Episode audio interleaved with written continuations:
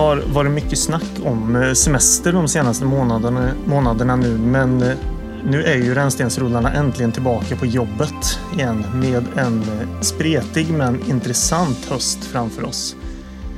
Och vi ska ju faktiskt starta den här hösten. Det kanske ger folk ångest att jag pratar om höst. men, men, vi ska i alla fall starta den här hösten med att eh, diskutera en, en genre som jag tror jag har nämnt liksom, i vartannat avsnitt senaste året. Mm, det var ett jävla tjat. ja, precis. det är en genre som jag nämner ofta och som jag tycker väldigt mycket om då, mumblecore, som sagt. Eh, eller som jag har sagt tidigare. Och jag heter ju då Jonathan, precis som vanligt. Och som vanligt har jag också med mig Andreas, som vanligt. Jag har, det är faktiskt första gången jag har eh, lite så här eh, funderat över faktiskt valet av tema i efterhand när vi har liksom spikat idé. Eh, absolut inte av anledningen att eh, vi kommer tycka väldigt olika om i alla fall den här filmen och absolut inte heller av anledningen att jag skulle ha ändrat någon åsikt om de här filmerna, för det har jag inte gjort. Mm. Men det finns en liten annan diskussion runt det här som, som jag har funderat över, framförallt sen jag med liksom poddögon har sett om den här första filmen. Eh, och inte bara med ett fans ögon. Okay. Som har fått mig att fundera lite kring eh, liksom, hur man ska prata om de här filmerna lite grann. Men allt det här ska jag ta sen. För mm. det, det, har med, det ska vi ta när vi kommer in på den huvudsakliga diskussionen. Intressant. Men vi har väl lite annat först kanske att eh, prata om innan vi ska eh, starta med dagens film. Ja, hur, hur har du det? Hur är läget? Det börjar eh, röra sig lite grann för mig för nu gör jag min sista arbetsdag imorgon och sen mm. så åker jag tillbaka till Uppsala på lördag och jag börjar ju faktiskt plugga igen på måndag. Mm.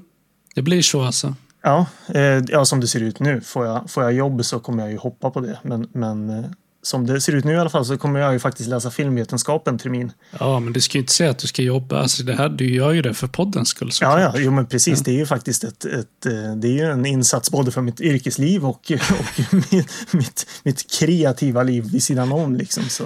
Ännu mer studielån för, för eh, att liksom säkerställa poddens framtid. Jag, jag duckar ju faktiskt studielån, så, så jag klarar det. mig ifrån det. Ja, det, jag plockar bidrag bara.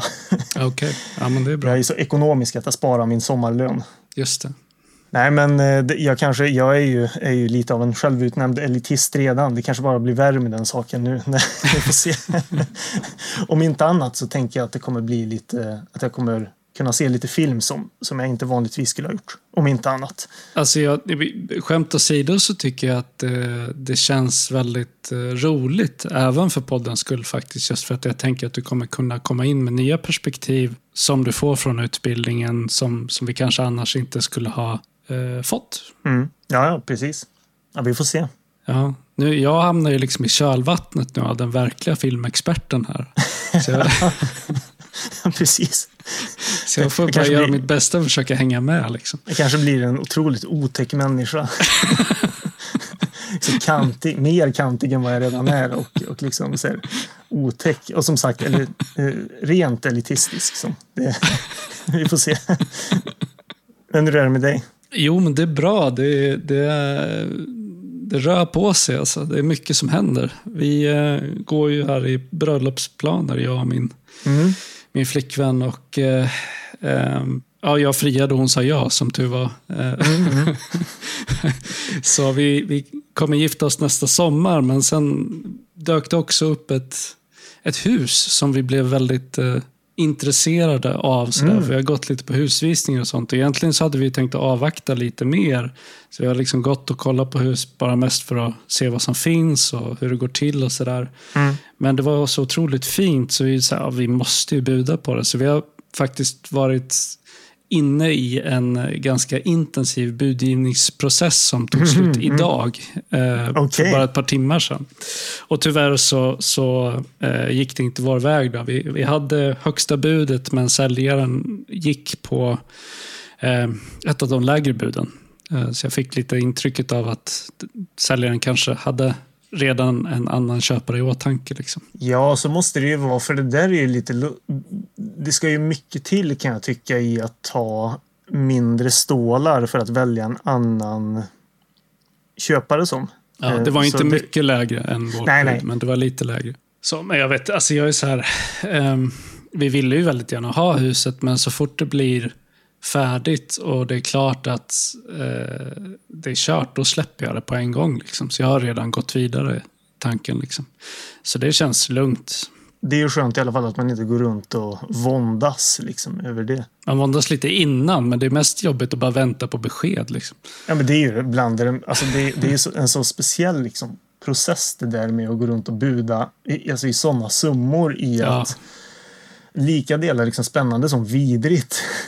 och just det där att jag vet inte, det, det har väl alla nu. Jag vet att när jag har budat på lägenheter att eh, just det här att det kommer sms ja men man lägger ett bud och så kommer det säga ja men budgivarrätt har lagt x amount liksom. Mm. Det är som att säga att man tittar på en Tradera-annons bara att det är en Tradera-annons på, på, på en miljon liksom. Ja, så här sjuka summor pengar. Liksom. Ja, det är så här, det Som man egentligen saknar täckning för. Det är skakande liksom det där. Eh, Så det, är, det är en väldigt speciell känsla det där liksom. Det är det. Som sagt spännande och vidrigt på samma gång. Ja. Men eh, ja, så vi, vi håller väl ögonen öppna efter andra intressanta fastigheter. Liksom. Men det är, ing, det är ingen brådska liksom, så vi väntar ju bara på rätt hus. Ja, det är ju skönt i alla fall att man inte måste, att det är att man är tvungen att flytta liksom, utan att man faktiskt har, har möjligheten att gå runt och vänta på rätt objekt och så där. Men jag har ju förlorat budgivningar också. Jag minns tydligt en väldigt häftig lägenhet jag var och budade på som hade liksom en sån här, det var en innergårdslägenhet med en egen dörr och en egen liten trapp in. Okej, Gla, glastegel och spiral? Nej, nej, nej. Nej. Det, var, det här var, jag vet inte vilka, vilka det hade man kunnat sätta in faktiskt. Det hade varit nyttigt. men, men eh, det här var liksom, eh, ja men i alla fall, då, då var det så, jag hade högsta budet ett dygn. Men Ja. mäklaren sa att om det kommer någon snubbe som har studerat i Norge som ska kolla på lägenheten imorgon som såklart la ett högre bud då. Så ja, det grämer jag, grämer jag mig inte. Jo, lite grann kanske. Liksom. Det hade varit var en väldigt häftig lägenhet. så. Men sen så såldes ju den två, tre år senare och gjorde vinst på typ 300 000. Så det, det, var, Okej. ett, det var en vinstaffär för de som köpte. Men sådana där grejer kan man inte gräma sig för. Eh, Men utan- Norrbagge med oljepengar som... Ja, ja precis. Exakt. ja, något i den stilen. Ja. Men annars så jag har jag sett ganska mycket film, som vanligt. Mm. Eh, Jag har sett flera bra filmer faktiskt. Eh, Dels så såg jag ju Flatliners som du eh, ju har rekommenderat till mig tidigare. Mm. Och den var ju mycket riktigt väldigt bra. Mm, ja, ja, absolut. Framför allt så var den så jävla snygg. Ja, definitivt. Alltså, blev du också överraskad över hur liksom postapokalyptiskt den kändes? Det var inte jag liksom med på att det skulle vara en del av filmen överhuvudtaget. Nej, den utspelade sig ju eh, nästan uteslutande bara under nattid. Ja, i ett, i ett övergivet museum eller något sånt Ja, precis. I ett övergivet museum och de övriga liksom, miljöerna de befann sig i var så här nedlagda industrilokaler och väldigt så här dekiga kvarter. Nej, absolut, den var väldigt postapokalyptisk. Mm, Eh, utan att för den skulle vara en, en postapokalyps. precis. Eh, och ja, men intressant story, bra skådisar, eh, spännande, väl värd att se.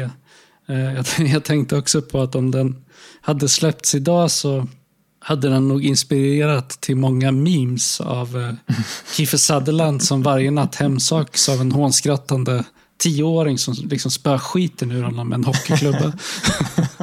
Ja, precis.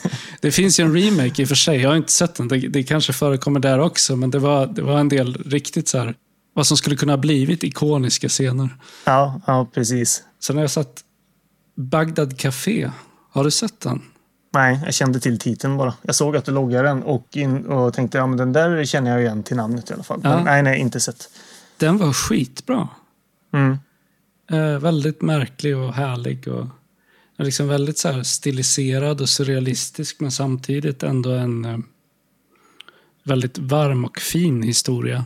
Också en film som jag gärna skulle vilja prata om i podden. Någon gång. Mm. Och sen eh, Dark Blue såklart med Kurt Russell. Mm. Bra. Eh, där han spelar en, en väldigt ondsint snut. Det är en rätt udda eh, typ av roll för Kurt Russell. Ja, det, var det, som, det är det som är den stora behållningen med den filmen. Att det är Ja, en sån liksom, eh, spin på, på att, att han inte spelar hjälten på så sätt. Han är ju svinbra som vanligt. Ja, ja, gud. Han är så här moraliskt förtappad storstadssnut som mm. gör allt för eh, som hans korrumperade polischef ber honom om. Eh, oavsett hur depraverat eller hemskt det än är. Mm. Det var betydligt mörkare historia än vad jag hade förväntat mig. Och, ja, men väldigt bra. Och sen en sista film som jag bara vill nämna kort var In the Earth. Eh, regisserad av Ben Wheatley. Det, jag tror att det var hans näst sista film. Den han regisserade innan den här Meg to the Trench, eller vad den heter. Mm. Eh, och den var inget vidare alls, alltså. Tyvärr. Jag hade, jag hade ändå förhoppningar på den, för det skulle vara en så här skräckhistoria ute i skogen. Men den lämnade mig rätt kall och likgiltig. Jag tänkte höra med dig om, har du sett någonting av Ben Wheatley förutom Killist som är värt att se? Ja, jag tycker ju att det, om man är, eh, vad ska man säga, eh, om man köper den så tycker jag att A Field in England är väldigt bra. Eh, ja. Annars så skulle jag säga att filmen som heter Happy New Year Colin Bursted som kom 2018 som är liksom en så väldigt svart, familje, svart familjekomedi är kanske det bästa han har gjort. Okay. Och det är mm. ju den absolut raka motsatsen till eh, Killist. Men det, även i den så är det ju Neil Maskell som spelar huvudrollen då. Och han har någon, någon lite liknande roll som han har i Killist. Bara att han, han bara är en patetisk familjefar. alltså jag minns den som, som på sina ställen väldigt rolig och väldigt bra. Så, så den tycker jag verkligen är värd att se. Alltså jag har ju eh, Alltså Ben Wheatley är en sån här regissör som om jag, som jag har gjort några gånger tidigare så vill jag här liksom lite låna en, ett begrepp från Rewatchables podden. För de brukar säga så att man köper season tickets till liksom en regissör eller en skådespelare. Mm. Liksom, när, man, när man ser en film och man inser att det här är liksom en regissör eller skådespelare jag alltid kommer liksom ge en chans. Alltså season tickets då som att man alltid köper till sport. Liksom. Men, och Ben Wheatley var en sån regissör för mig att jag liksom köpte season tickets till Ben Wheatley när jag såg Killist och har liksom alltid haft hoppet uppe i att han ska, ska liksom nå samma höjd igen. Och även fast jag inte tycker att han har gjort, jag har ju långt ifrån sett allt han har gjort efter Killist. Men jag tycker att han har varit liksom det känns som att han har haft en jävla otur på något vis med, mm. med projekten han har tagit. eh, och, eh, men det är som sagt, alltså Sightseers är skitbra. Happy New Year, Colin Bursted är skitbra. Killist är ju ett mästerverk tycker jag. Ah, och, ja, eh, absolut. Eh, men det är en sån här regissör som jag känner att nej, det, jag har hoppet uppe fortfarande. Liksom. Någon gång så kommer han bara få en, en riktig jävla fullträff igen. Mm. Eh, men att det har varit så här knepiga projekt han har tagit sig an lite grann. Eh, mm. tyvärr.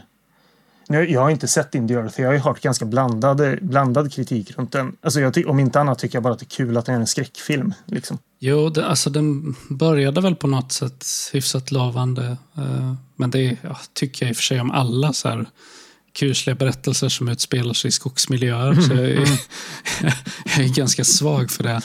Men uh, i slutändan så tyckte jag att det var en ganska intetsägande historia. Mm och rätt intetsägande karaktärer och sådär. Eh, var ju väldigt äcklig emellanåt. Alltså rent grafiskt. Liksom. Då blir jag mycket nyfiken. Så blod, jag... blod och klägg. Och... ja, men då, då blir jag mer nyfiken. lite, lite gegg är aldrig fel. Men äh, inte en så jäkla bra film i slutändan. Men jag håller med dig om att, att eh, Killist är ett mästerverk. Mm. Jag, bara, jag har sett den en gång, men, men jag är väldigt tagen av den um, illa berörd framför allt. Den är ett av de ja.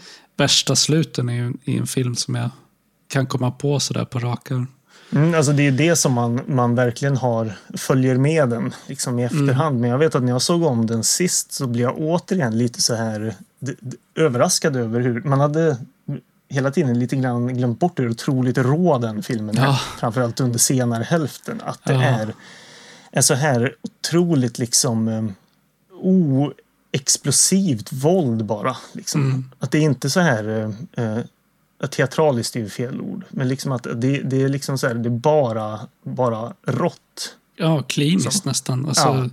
Det, det är väldigt liksom... Det, det är ett direkt berättande eller en direkt skildring av våld. Ja, det är så länge sedan jag såg nu så jag minns inte riktigt hur det var men jag kan föreställa mig att den liknar In the Earth i hur den liksom skildrar den här råheten och, mm. och eh, ja, men de mer grafiska inslagen och sådär. För att i In the Earth eh, så är det, det, det, är väldigt tvära klipp. Mm. Eh, plötsliga klipp från någonting, men från en karaktär som sitter och pratar om någonting till att plötsligt är det så här inzoomat på ett stort öppet köttigt sår. och man är hela tiden helt oförberedd på det. Mm. Eh, så man vet liksom aldrig när de där väldigt köttiga, äckliga scenerna ska komma. Mm. Liksom. Och det är ganska det är effektfullt. Men nej, Killis det är skitbra. Men annars har inte jag sett så mycket av honom. Eller jag, jag, vet, jag tror inte jag har sett någonting alls förutom då Killis och In the Earth. Ja, men jag tycker att se Happy New Year Colin Bursted i alla fall. Den finns på cineasterna. Eller den fanns på cineasterna i alla fall. Mm. Eh, se. Så ja, den är skitbra. Nu var det ett par år sedan jag såg den. En av, av tusentals filmer man behöver se om. Mm. som man aldrig kommer fram till. Men... Har du sett något bra annars? Alltså, det, det, är lite lustigt att jag konstaterade faktiskt idag när jag tittade på min eh, Letterboxd-historik, eller vad man ska säga, min diary över den här sommaren, att jag, jag satte av på någon liten resa där efter att vi såg Writing Wrongs och jag konstaterade att jag faktiskt inte utöver The River Wild inte sett en enda film som inte har varit asiatisk under hela sommaren. Och jag insåg också okay. att jag har helt liksom hängivit mig åt antingen antingen Hongkong action eller anime OVA och ingenting annat i stort sett. Några små sådana här tv-skräckfilmer liksom, men annars har det varit, det har varit väldigt mycket av, av samma, vilket också då har lett till att det har varit oerhört mycket liksom treor. I och med att det här är så här väldigt mycket, eh, om man ska, ska kalla det för comfort food liksom. Mm. Att det, det, är väldigt, det är ganska här, mysiga filmer liksom. Men det har också lett till att det har varit ganska lite som, som verkligen så här, stuckit ut som jag har sett. Men, men det blev lite så här nu när man ska börja så här, ska jag se annat nu liksom? Hur eh, tror du att du kommer kunna ta dig loss själv eller behövs det någon form av intervention här? För att du ska... ja, precis. Nej, men jag, vi, vi, ska ju se, vi, vi, vi, ska ju prata om två filmer jag tycker mycket om nu så jag, jag kommer, jag kommer loss på så sätt. Så, eh, men jag har ju, jag har, eh, som jag skrev till dig för ett tag sedan, jag har ju en kasse som jag har köpt på mig med en massa härliga VHS som jag ska börja posta lite på Instagram om framöver. Ja, här. Så där är det det är mycket gammal action där så det kommer inte krävas mycket för att det ska bli någon gammal, gammal actionfilm och, och, faktiskt en svensk film med där till och med hör och häpna så, så det kan man ju spekulera i vad det är. Så, det är bra att dryga ut vårt content. Ja, precis. Mycket, mycket fina gamla VHS. gör mig väldigt glad. Så. Ja, vad roligt. Det, det är kul om du inte avslöjar vad du ska posta på förhand. Mm, så jag får nej, bli överraskad nej, nej. också. Det är, det är en, en salig blandning kan jag ju säga. Men mm. annars så, så får, får ni hålla utkik på vår Instagram.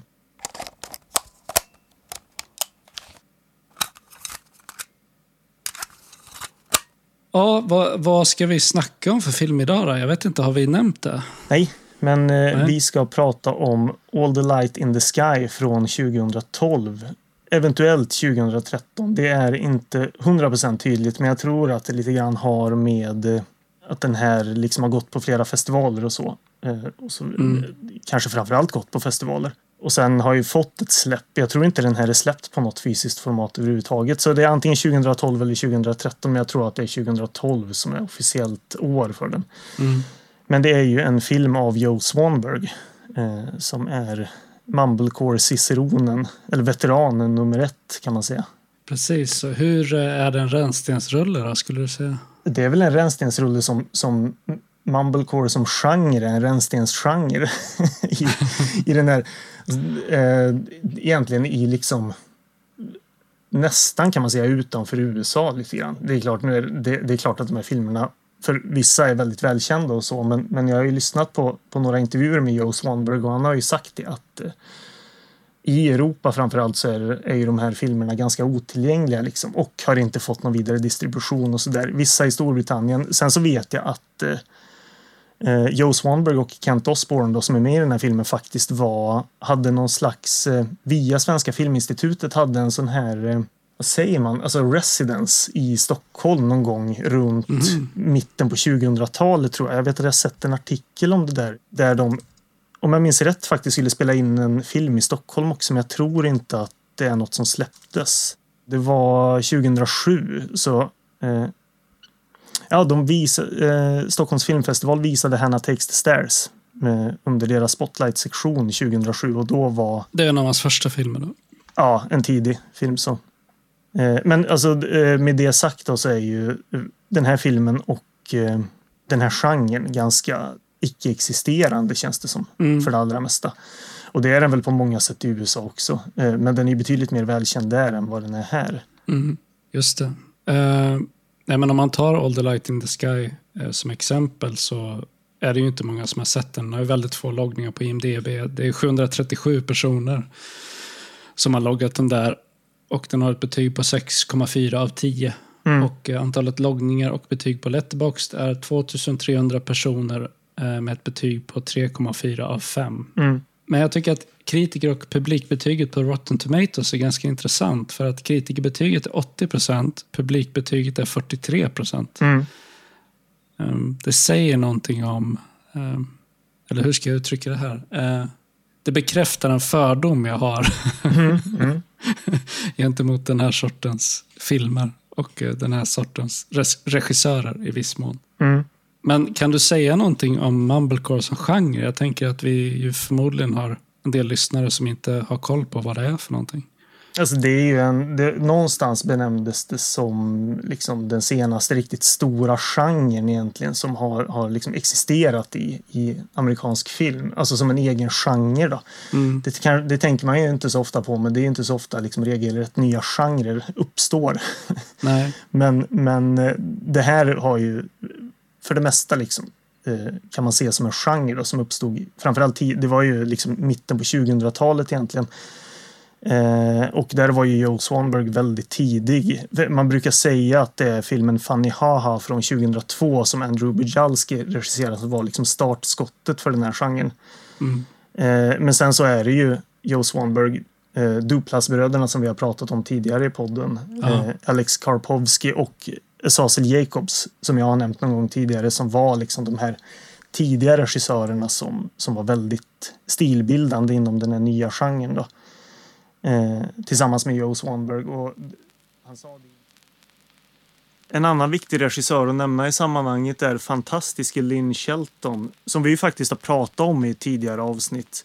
Vi pratade om hennes film Outside In i avsnitt 4, Dolt i strömmen. Men Lynn Shelton var en stor del av det här gänget ganska tidiga regissörer som hjälpte till att bygga hela genren mumblecore.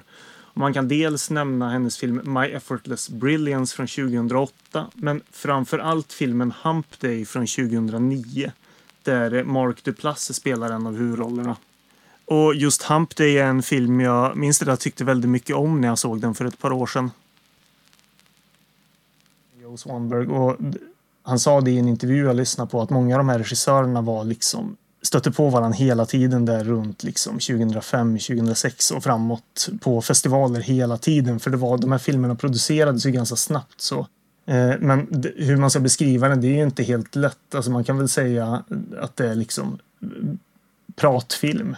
Eh, filmer som i stort sett helt bygger på dialog. Men det, det, hade, det hade ju funnits tidigare. Liksom. Ja, ja. För, alltså, en viktig aspekt av Mumblecore är också att det, det är en independent-genre, ja, sprungen ur independent-rörelsen. Men vad är det som särskiljer den från andra indiefilmer där eh, det också huvudsakligen bara är dialog? Liksom? Alltså jag tänker att det, att det mycket är i anda liksom. Att ja. det benämns som en genre i det att eh, det var ju framförallt med intåget av consumer-kameror som mm. de här personerna också insåg att jaha, man kan ju, nu kan ju vem som helst göra film. Alltså en blandning ja, mellan det och Alltså gamla DV-kameror? Ja, typ, exakt. Mini-DV ja. var ju liksom den stora grejen. Att för, för Joe Swanberg, gick, när han gick i filmskola, har han berättat i intervjuer att de var ju, alltså, där han gick var de otroligt inställda på 16 mm. mm. Så han är utbildad som liksom 16 mm filmare, men det blev ju en enorm grej sen när vem som helst liksom kunde plocka upp en kamera. Och detta då i samband med också dogmarörelsen som var otroligt inflytelserik i det att man också insåg att ja, men det kanske är helt ointressant med belysning och sets och annat. Liksom. Det enda som behövs är polare och en kamera och då kan man göra en film. Ja. Och det är, ju, det är ju det som särskiljer de här.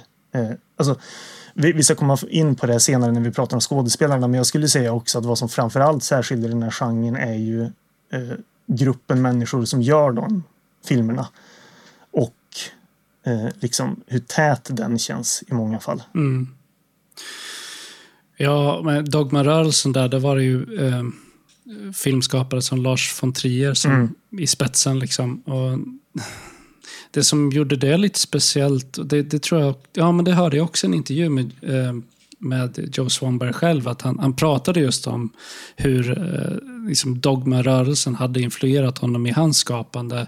Eh, och att det som var speciellt med det var att det var liksom etablerade, väldigt tekniskt skickliga regissörer Mm. som trots sina skills eh, liksom vände sig bort ifrån det rätta sättet inom citationstecken att, att göra film Precis. och, och gick tillbaka till ett mer avskalat och, och väldigt enkelt sätt att, att skapa film på. Att Mm. man skulle skala bort och göra det så naturalistiskt och genuint som möjligt snarare än att det skulle vara en massa bells and whistles. Liksom. Mm, mm, precis. Eh, och man fattar ju att, att det väl, måste vara väldigt frigörande för en ung film, as, aspirerande filmregissör som saknar liksom ekonomiska medel Mm, eh, för att, att göra stor film. Eller mer påkostad film. uppenbart så blev ju, det fick ju ett liksom någorlunda genomslag det här också i och med att det är ju, jag kan tänka mig framförallt då var en ganska speciell, alltså om inte annat hur de här filmerna ser ut. Mm. Det, och vi, jag kan ju liksom nämna lite grann det då också i samband med att vi pratar om genren i sig. Att de två filmerna jag valt att prata om är ju, är ju knappast några verkligen liksom typiska exempel på de här tidigare filmerna. Alltså, båda de här filmerna skulle jag säga se, framförallt ser ganska bra ut. Mm. Och det är väl på så sätt kanske inte kan man säga det mest liksom, ortodoxa valen av mumblecore-filmer. Eh, men jag tänkte ju också det att eh, tanken var ju inte heller från min sida att det här skulle vara någon slags historieskrivning, historieskrivning eller något. Jag ville bara ta två filmer jag tycker om helt enkelt. Jag kände att det var det. Det är ju såklart det enklaste sättet att, att ta sig in här. Men jag kommer givetvis strössla de här avsnitten med eh, andra filmer som jag tycker om från den här genren. Mm. Ska vi eh, koppla den här till eh, August in the Water Mm. innan vi går vidare?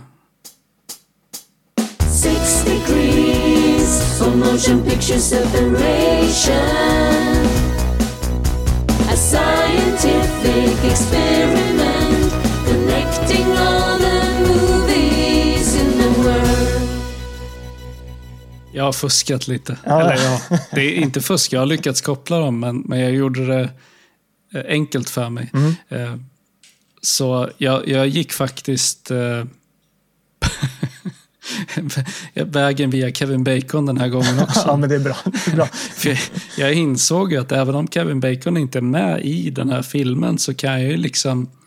Jag, kan- jag kan ju använda den här sidan Oracle of Bacon för Ja. att hitta en koppling till liksom västerländsk film och sen eh, köra vidare från Kevin Bacon till den här. Ja, just det. Ja, ja, ja. Alltså, man får ju använda honom som ett drag. Så, så i fortsättningen, om jag stöter på problem så kommer jag nog eh, använda mig av Oracle of Bacon ändå. Liksom. Så, så Kevin Bacon får vara den ständiga länken i, i kedjan av, av filmer. Precis. Eh, så jag, jag utgick från eh, eh, samma länk av filmer som jag använde mig av i förra avsnittet. Som vi börjar den här gången då med August in the Water. Mm. Där eh, eh, Masao Kusakari spelar eh, delfininstruktören. Han var också med i Virus från 1980, eh, där Glenn Ford är med. Eh, som också är med i filmen The Gift från 79, där även Kevin Bacon är med. Då. Och Kevin Bacon är i sin tur med i Diner från 1982. Mm. Och i Diner så spelar även Paul Reiser en av huvudrollerna. Han är en i det här gänget av, av eh, grabbar som umgås med varandra på det här fiket. Paul Reiser är med i filmen Joshi från 2016.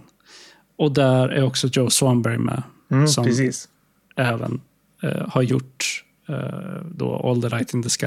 Jag hade faktiskt glömt bort att Paul Reiser är med. Jag har sett Yoshi. Jag tyckte den var helt Ja. okej. Eh, men jag hade faktiskt glömt bort att Paul Reiser var med. Det var väldigt många kända ansikten med i den filmen. oh ja, det är ju en, en eh, liksom All-star cast. Jag tror att det är en sån där SNL-koppling. Eh, om inte annat så tror jag att han som spelar huvudrollen är typ skådespelare eller eh, castmember och eh, manusförfattare på SNL om jag minns rätt nu. Så verkligen, det är ju det är ju verkligen många kända ansikten. Men jag såg den filmen uteslutande för att det var massa mumblecore-människor med. Mm. Men eh, den här gången tangerar ju gränsen för antalet steg som jag är tillåten att, att göra. Då. Det blir ju sex filmer, men ja, det blir fem steg då. Ja, men det, är väl, det kan jag tycka är godkänt. Liksom, det var inte Ja. en sån här... jag, jag, jag fattar ju att det skulle bli att det skulle slita ditt hår. jag, skrev, jag skrev ju till dig att eh, nästa gång blir det ju otroligt mycket enklare. Ja, ja.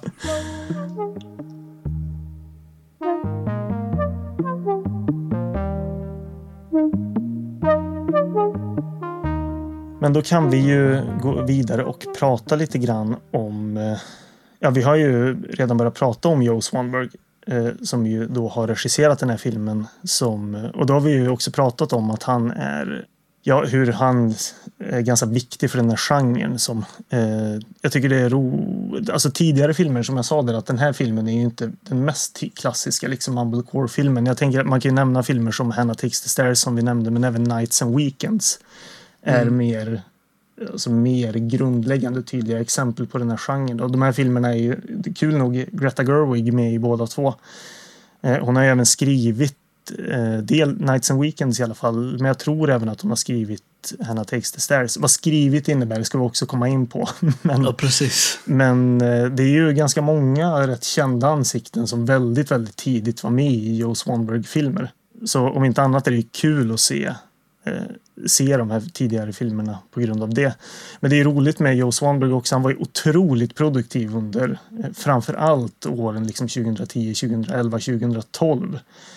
Eh, tror att han släppte sex eller sju långfilmer under 2011. Mm. Han berättade i en intervju att han liksom hade fyra produktioner igång samtidigt. och han, han berättade att det här var ju på grund av att hans eh, fru eller sambo var gravid och han insåg att fan, nu får man ju jobba så in i bomben liksom. Om man vill Mm. få ut material innan, i och med att det var han som skulle vara eh, hemma för det mesta sen. Hans tanke var väl att han skulle spela in så mycket material som möjligt så att han kunde spendera liksom, eh, tiden som nybliven förälder med att sitta och klippa saker i, i ganska långsam takt. Så här. Men resultatet blev istället att han jobbade så jävla fort så att allting blev färdigt mycket snabbare än vad han hade Ja. att det skulle bli. Då. Han hade ju jobbat med eh, Adam Wingard, eh, Mm. en annan regissör som, som nu ska vi se, det, jag har faktiskt glömt bort nu om det var Adam Wingard eller om det var Simon Barrett. Men det, det är två väldigt nära anknutna personer till den här genren jag, också. jag tror att det var Wingard. Ja, eh, som bodde hemma hos Swanberg och hans familj. Och han lärde sig av honom att klippa otroligt snabbt. vilket, Mm. vilket innebar då att det bara blev så här, en stor mängd filmer på hög. liksom. eh, jag har sett några av de här filmerna och tycker väl framför allt att filmen Silver Bullets är väldigt bra. Men även filmen The Zone från 2011 är väldigt bra också. Silver Bullets, det, är den eh, varulvsfilmen. Ja, precis. Man kan, väl, kan väl i någon mån kalla det för, en, för någon, någon slags... Det närmaste han har kommit en skräckfilm förutom de segmenten i VHS-filmerna han har regisserat. Då. Just det. Jag, alltså jag kan ju också, innan vi går vidare, säga att jag, jag har inte sett, vad jag vet, en enda film av Joe Swanberg. Förutom den här då, som jag har sett eh, till idag. Grejen är att alltså, den här filmen kommer ju i någon slags brytpunkt kan man säga 2012 i och med att han efter den här filmen då dels släppte filmen Drinking Buddies som i liksom relation till hans övriga karriär blev mainstream kan man säga. Mm. I och med att den framförallt den hade väldigt mycket kända skådespelare med i. Alltså Jake Johnson framförallt som var med i New Girl vid den tiden var ju otroligt stor, men även Anna Kendrick, Olivia Wilde och Ron Livingston. Eh, den här filmen tycker jag inte är speciellt bra alls faktiskt. Om, det, Okej. har- om det har med att, eh, jag, jag vet inte, det var något år sedan jag såg, eller ett par år sedan jag såg den. Jag vet inte, jag tror att jag tyckte den var för, att den var för mainstream. liksom. det var, å andra sidan så tyckte jag väldigt mycket om filmen Digging for Fire som har släppt något år senare. Och det, det är liksom d- mainstream mumblecore kan man säga. Så det var något som inte klaffade med Drinking Buddies just för mig. Då. Men, men eh, det är ju liksom i jämförelse med hans tidigare filmer mainstream-film kan man säga. Och han fick även göra en Netflix-serie då som heter Easy. Jag tänkte höra, har du sett den? Nej, men jag, jag ser alltså jag skulle säkert tycka om den och det är ju mängder med skådespelare jag tycker om som är i den. Men jag ser ju inte serier så det, det blir ju inte av. Nej, men jag, min, jag minns när den hade Ja, premiär. princip. Nej, inte nödvändigtvis. Det är bara att jag aldrig tittar färdigt. så varför se en serie när man kan se film? Har, har varit min ständiga devis de senaste åren. Ja. Liksom. I stor utsträckning så håller jag med dig faktiskt. Men jag skulle säkert tycka, säkert tycka om den. Liksom. Men det har, har inte blivit av. Eh, men den här filmen, The All the Light in the Sky, kommer ju verkligen i en brytpunkt där i att den, den börjar se den ser lite snyggare ut än hans tidigare filmer men det är verkligen liksom fortfarande i sin form eh, som hans tidigare filmer. Även fast det för många och kanske för dig också låter lustigt med att det här är liksom accessible på ett annat sätt. Bara- All the light in the sky. Ja, precis. Eh, Den är liksom lättillgänglig jämfört med, med många av hans tidigare filmer. Så. Men eh, man kan ju nämna också på senare år så har han regisserat ganska lite. Jag tycker väldigt mycket om filmen som heter Build a Wall som kom från 2020. Mm. Eh, som inte är någon, någon slags Trump, eh, Trump rally-film utan den handlar om en, en vägg som ska byggas. Så det är nog bara någon slags, en ironisk, ett ironiskt titelval. Jag tycker att alltså, vare sig man tycker om All the Light in the Sky eller inte så tycker jag att man kan se den. Eh, och framförallt om man har sett All the Light in the Sky för både Jane Addams och, Kate, eh, och Kent Osborne är med i den och eh, kan väl i någon slags stretch lite se som att spela samma roller. Eh, de har i alla fall väldigt fin kemi där. Och Joe Swanberg driver en VHS-hyrbutik i Chicago sedan ett par år tillbaka och det, jag tror att det är det han sysslar med nu. För det allra mesta. Ja, det var bakom en pizzeria. Ja, det, det var det i alla fall, men jag tror att den är flyttad nu. Har har flyttat? Okej. Okay. så ja, men han eh, var otroligt produktiv och nu liksom har inte försvunnit från kartan men gjort betydligt mindre. Han hade ju ett, ett liksom fruktbart eh, jobbsamarbete med Netflix. Ett par, för han gjorde ju även fin, filmen Win It All 2017, även den med Jake Johnson då för Netflix. Men efter det så har det inte varit så jättemycket, tyvärr. Tycker jag. Men då, vi ska ju prata om skådespelarna då och precis som förra gången så har jag även här en liten kommentar gällande skådespelarna. Eh, och I det här fallet så, så vill jag verkligen poängtera att alltså, alla inblandade här är ju inte bara skådespelare utan liksom manusförfattare, regissörer, producenter och alltså i, i största allmänhet filmarbetare själva. Ja. Eh, och det här är, som jag nämnde då tidigare, en väldigt så här, viktig aspekt av de här filmerna skulle jag säga och den här genren att eh, den i mångt och mycket liksom består av filmarbetare som hela tiden hjälper varandra och är med i varandras projekt. Eller stjälper varandra. Ja, så kan man ju säga. Jag, jag tycker att det är en av de liksom absolut största positiva aspekterna av de här filmerna. men men eh, ja, det, det ska vi också komma till. Eh, Men vi kan ju börja då med Jane Addams som förmodligen är kanske skådespelerskan som de flesta känner, känner igen här. Hon är, hon är också den i, i den här filmen som står listad som manusförfattare jämte Joe Swanberg. Ja, just det. Alltså det, det, det missar jag ju lite nu i och med att Joe Swanberg i stort sett är ensam så här, crewmedlem på den här filmen. Eh, med det sagt så, så nämner han ju i någon av intervjuerna att eh, anledningen till att han tycker så mycket om att jobba med regissörer och skådespelare är att, att man också blir ett enda stort crew. Så om man liksom vill ha hjälp att ljussätta en scen så om det är en regissör som är skådespelare så kan man ju också hjälpa till med det. Så det, det är liksom det finns ju en, en tanke med det också. Men ja, precis, Jane Addams har står ju som manusförfattare på den här filmen tillsammans med Swanberg. Men alltså manus, manus, de här filmerna är ju liksom outlines som för det allra mesta består av improvisation. Eh, Ja. Och det har ju både Swanberg själv och skådespelaren har jobbat med uttryckt att de man uppskattar väldigt mycket. Jag vet att i alla fall Jake Johnson berättade i en intervju jag hörde att eh, han väl, tyckte att det var väldigt liksom här, bra stämning på de här inspelningsplatserna. I och med att det är alltså verkligen ett, ett samarbete i allra högsta grad. Ja, det kan jag tänka mig. Alltså för dels så verkar ju Joe Swanberg vara en, en väldigt sympatisk människa. Mm. Eh, att döma av vad jag hört honom, av vad jag hört av honom i intervjuer. Eh, och sen så framför allt alltså, i hans förhållande till skådespelare och andra kreatörer så verkar han ju vara väldigt liksom, öppen för eh, att ta till sig andras idéer. Och liksom en del av, av själva processen att improvisera fram en, en film. Eh, på gott och ont skulle jag säga. Liksom. Men det, det kan vi ta när vi pratar om filmen Mm. i sig själv sen. Men, men eh, han har ju ett väldigt fokus på just den improvisatoriska biten. Ja, precis. Så, så huruvida man ska se det som manus är ju en sak. Men jag tänker att man kan i alla fall se det som att Jane Addams förmodligen har varit eh, liksom oerhört viktig för att arbeta fram den här... Medskapare. Ja, som en medskapare och att ha arbetat fram den här karaktären framförallt.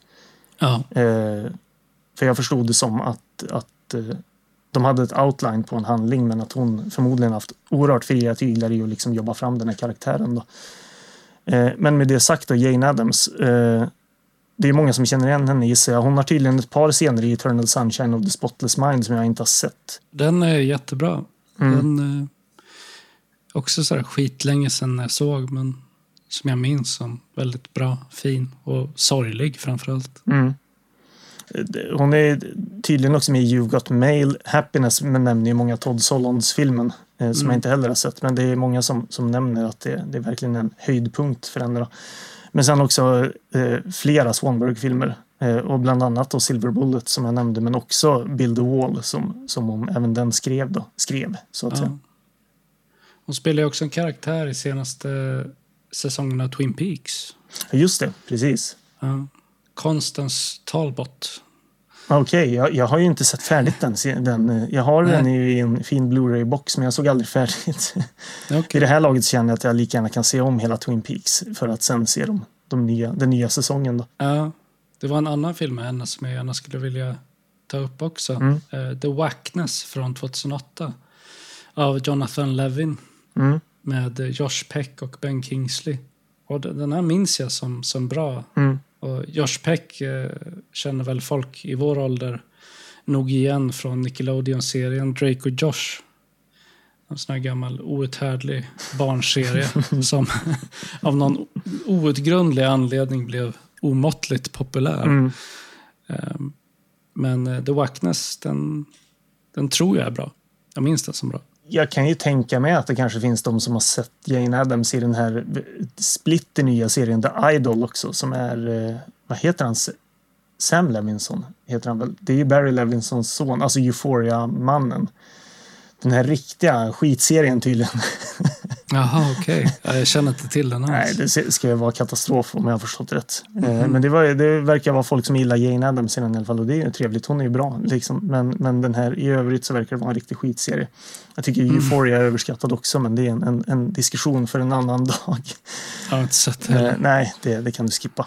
Eh, men eh, ja, detta om Jane Addams. Sofia Takal ser vi som eh, Faye. Hon är också en av Swanbergs återkommande liksom, skådespelerskor men hon är en väldigt profilerad Mumblecore-skapare, aktris liksom, och filmskapare själv. Hon har varit med i ett antal indiefilmer men jag kan ju nämna till exempel då Kentucky Audleys Open 5-2 från 2012 som jag tyckte var väldigt bra. Det är ju det, nu, det är regelrätt mumblecore liksom. Eh, men jag tycker även att hennes regidebut Green från 2011 är väldigt bra. Så den kan man absolut, ja, om man, om man känner att eh, man får feeling efter dagens avsnitt så är alla de här filmerna liksom, eh, i någon mån rekommendationer. Men, men det ska jag också, det har med diskussionen runt den här genren som vi ska komma till alldeles strax. Men hon regisserar ju remaken av Black Christmas från 2019. Ah. Så har man ingen koll på henne, den? nej. Eh, det, det har väl inte fått så jättebra kritik. Nej, det är minst sagt. Ja, har, du, har du sett den? Nej, nej, jag har inte Nej. sett den. Jag har läst lite kritik av den och nej, det, den har blivit ganska sågad. Ja, av ja. Det jag har sett. Nej, alltså, så, så har man ingen koll på henne så vet, känner nog många till just den här filmen i alla fall. Ett, ett ganska märkligt Mm. så här, karriärsdrag. Men det är, men, det är märkligt men absolut inte ovanligt kan man säga. Nej. Sen ser vi ju Kent Osborne som Dan, som även han är en av Swanbergs polare och återkommande skådespelare. Han är väl kanske framför allt bara skådespelare i Joe Swanberg-filmer, tror jag. Eh, och ända sen liksom Hannah Takes the Stairs så har han eh, dykt upp återkommande i, under, i Swanbergs filmer. Då. Men han är ju framförallt manusförfattare till liksom barnserier. Alltså Sva- Svampbob Ja. Fyrkant och Adventure Time har han skrivit väldigt mycket för. Eh, Så det känns ju som en, en, att han är med i sina polares filmer men har en helt annan karriär annars. Liksom. Mm. Mm. Eh, sen ser vi Larry Fessenden som Rusty. Eh, han är ju väldigt profilerad, framförallt, alltså dels skådespelare men även producent och regissör, framförallt inom indieskräckfilm kan man säga. Ja, jag såg att han eh, står som producent till The House of the Devil av Ty West. Precis. Eh, Den är jättebra, jättebra film. Ja, han var i och för sig en av många producenter Ja. till den. Ja, men så är det ju. Eh, Men han är ju med i Your Next till exempel. Your Next som är dels en väldigt bra film, tycker jag. Har du sett den? Nej. Alltså, Your Next är en jättebra film framförallt tycker jag, men också väldigt rolig att se eh, när man har sett lite Mumblecore, för det är som en sån här All-Star Mm. Mumblecore-cast i den också med väldigt mycket ansikten man känner igen från de här filmerna. Så det, det är jättemånga man känner igen, men alltså Larry Fessenden har ju varit med i Bringing Out the Dead till exempel, men även Session 9. Mm. Han verkar vara liksom bekant med Jim Jarmusch också, för han var ju med i bro- både Broken Flowers och The Dead Don't Die, om jag såg rätt. Mm. Jo, det stämmer. Jag, ty- jag tycker att hans tidiga, en av hans tidigare regi, alltså filmer som han har regisserat, Habit från 1995, är väldigt cool och bra som jag minns. Det en vampyrfilm. Liksom, så här. Aha. Sunk i New York vampyrfilm. Känns lite, lite liksom besläktad med, med The Addiction, alltså Abel Ferraras film från ja, någonstans 90-tal också. Men vad, många kanske inte har riktigt lika mycket koll på är att Larry Fessenden har eh, stått väldigt nära Kelly Reichardt eh, under hennes karriär och han har eh, det, både liksom producerat eller exekutivt producerat och skådespelat i flera av hennes filmer. Till exempel då Wendy and Lucy från 2008. Okej. Så de har, har haft mycket samarbete tillsammans tydligen. Alltså ända sedan hennes absoluta karriärsstart med hennes första film skådespelade han i. Eh, Men sen så ser vi Lindsay Burge som Susanne som också är en, en typisk indie-skådespelerska. Men många har nog kanske sett den i filmen The Invitation från 2005 som jag minns som riktigt bra. Ja, skitbra. Jag Jättebra. kan, jag kan inte minnas hennes eh, exakta roll där, men det är nog det, är liksom det största som folk kanske känner igen henne från. Men hon har varit med i my- mycket Mumblecore och mycket indiefilm. Där, där har vi ytterligare ett så exempel på eh, en dubbelgångare, alltså i The Invitation. Tänker du på Tom Hardys eh, dubbelgångare? Precis. Tom Hardy och Logan Marshall Green är så jävla lika. Ja, ja, varandra. så verkligen. första gången jag såg Invitation så var jag så här, är det Tom Hardy? jag, jag tror att det är Tom. Nej, eller? Och nej, det var det ju inte då. Det är Logan Marshall Green. Ja. Eh, sen så dyker ju Ty West upp här. Eh, och han spelar ju en, en Mm. eh, sliskig regissör. Jag registrerade inte att det var Ty West när Nej. jag såg filmen, utan det, det tänkte jag på först efterhand när jag tittade i rollistan. Han är ju också polare med, med Joe Swanberg. De har jobbat mycket tillsammans. Och de allra flesta har ju koll på honom nu såklart i och med X, Mm. Pearl och Maxine. Vilka filmer har du sett av honom? Jag tror, alltså House of the Devil har jag ju sett flera gånger, tycker jag är kanonbra. Mm. Eh, jag har sett eh, The Sacrament, minns jag som riktigt bra också. The Innkeepers tyckte jag var mysig. Eh, det är liksom spökhusfilm. Ja, den tyckte jag var sådär. Ja, jag har inte sett om den nyligen, så jag, det, men jag tyckte den var för vad den var liksom. Kul. Eh, sen har jag ju sett X då, som vi Mm. tycker tämligen olika om. Jag tyckte att den var som, som en slasher, liksom sett härlig. Ja. Den, var, den, var liksom, den hade nog med inslag som var liksom deranged, vilket jag tyckte var kul. Mm. Inget speciellt, alltså det, man ska inte höja den till skyarna för att vara något, något speciellt, men det är ju en slasherfilm med nog mycket liksom, eh, ja, som sagt deranged inslag för att jag skulle tycka att den var härlig. Jag, jag gillade ju inte X alls. Eh, Den var ju jävligt snygg och sådär. Mm. Men eh, jag tyckte inte att karaktärerna var särskilt intressanta. Jag tyckte så storyn var lite jag vet inte, det kändes som, som age-shaming alltihopa. att bara här, det är äckligt att bli gammal. Jo, jag kan ju fatta det, men samtidigt så är det ju också en, en slasherfilm om en mördare. liksom. Jo, abs absolut. Jag absolut.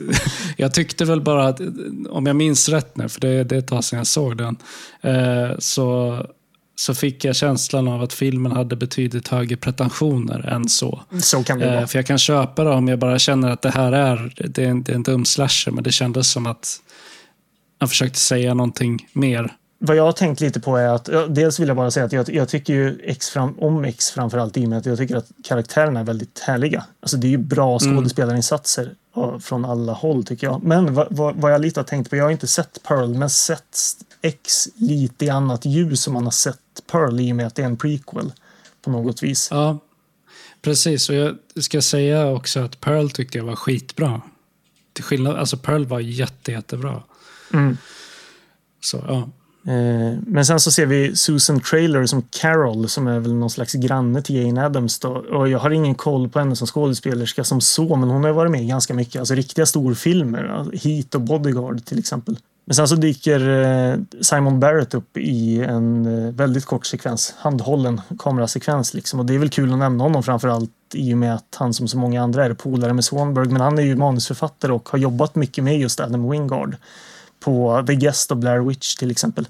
Ja, The Guest, alltså den här, eh, eh, vad heter det, filmen om en, en eh, krigsveteran Ja. som återvänder för att berätta. Ja. Precis. Ja, den är jättebra Mm. som jag minns det. Med, med Maika Monroe, alltså It Follows. Ja, Och, exakt. eh, Nu ser det mera Follower. Follower heter den väl, tror jag. Ja. Den var skitbra. Den är så jävla stylish och så kanonbra soundtrack. Och den borde jag verkligen se igen. The Guest, ja, verkligen. Skitbra. Jag minns att jag lyssnade jättemycket på soundtracket till The Guest efter att jag hade sett den. Det är många år sedan jag såg den nu. Mm. Sist så kan vi nämna Lawrence Michael Levine också som spelar Larry som då är Fays pojkvän i den här filmen som man bara får se på en dataskärm. Men det är, kan ju nämnas också att han är ju Sofia Takals make även eh, in real life så att säga. Okej. Och även han är regissör och skådespelare eh, och har gjort tämligen mycket. Jag tycker om hans, eh, jag tror det var hans debutfilm Gabby on the Roof in July från 2010 där Sofia Takal spelar en av huvudrollerna. Eh, Men han har även regisserat filmen Black Bear från 2020 med Aubrey Plaza som flera kanske har koll på. Eh, Men sen spelar han även en huvudroll i Onur Tukels film Richards Wedding från 2012 som jag tyckte mycket om. Och det är liksom kanske inte handlingen i sig, men jag tyckte att stämningsmässigt och skådespelarmässigt var det en väldigt härlig film. Men det är ju i stort sett hela casten och som man nämnde i Mm. början där då så är det bara liksom filmarbetare, idel filmarbetare som dyker upp. Ja, och flera av de här som du har nämnt vid namn eh, fladdrar ju bara förbi väldigt kort i filmen. Ja, ja, precis. Så den, den faktiska kastlistan är ju eh, otroligt liten. Det är ju tre personer kan man säga. Det är ju Jane Addams, Sofia Takalo och Larry Fessenden som är liksom de stående, stående inslagen. Ja, Eh, musiken är gjord av Orange Mighty Trio och den är inte superbra. Nej, den är tycker- kass alltså. Den är, den är riktigt kass. Jag såg lite snabbt i dina notes att du inte tyckte om den här pianoslingan. Det, det är väl det enda musiken i den här filmen jag tycker funkar liksom, i någon mån. Men det här är liksom också en del i att den här filmen tenderar lite för mycket mainstream för jag tycker att det är för mycket musik.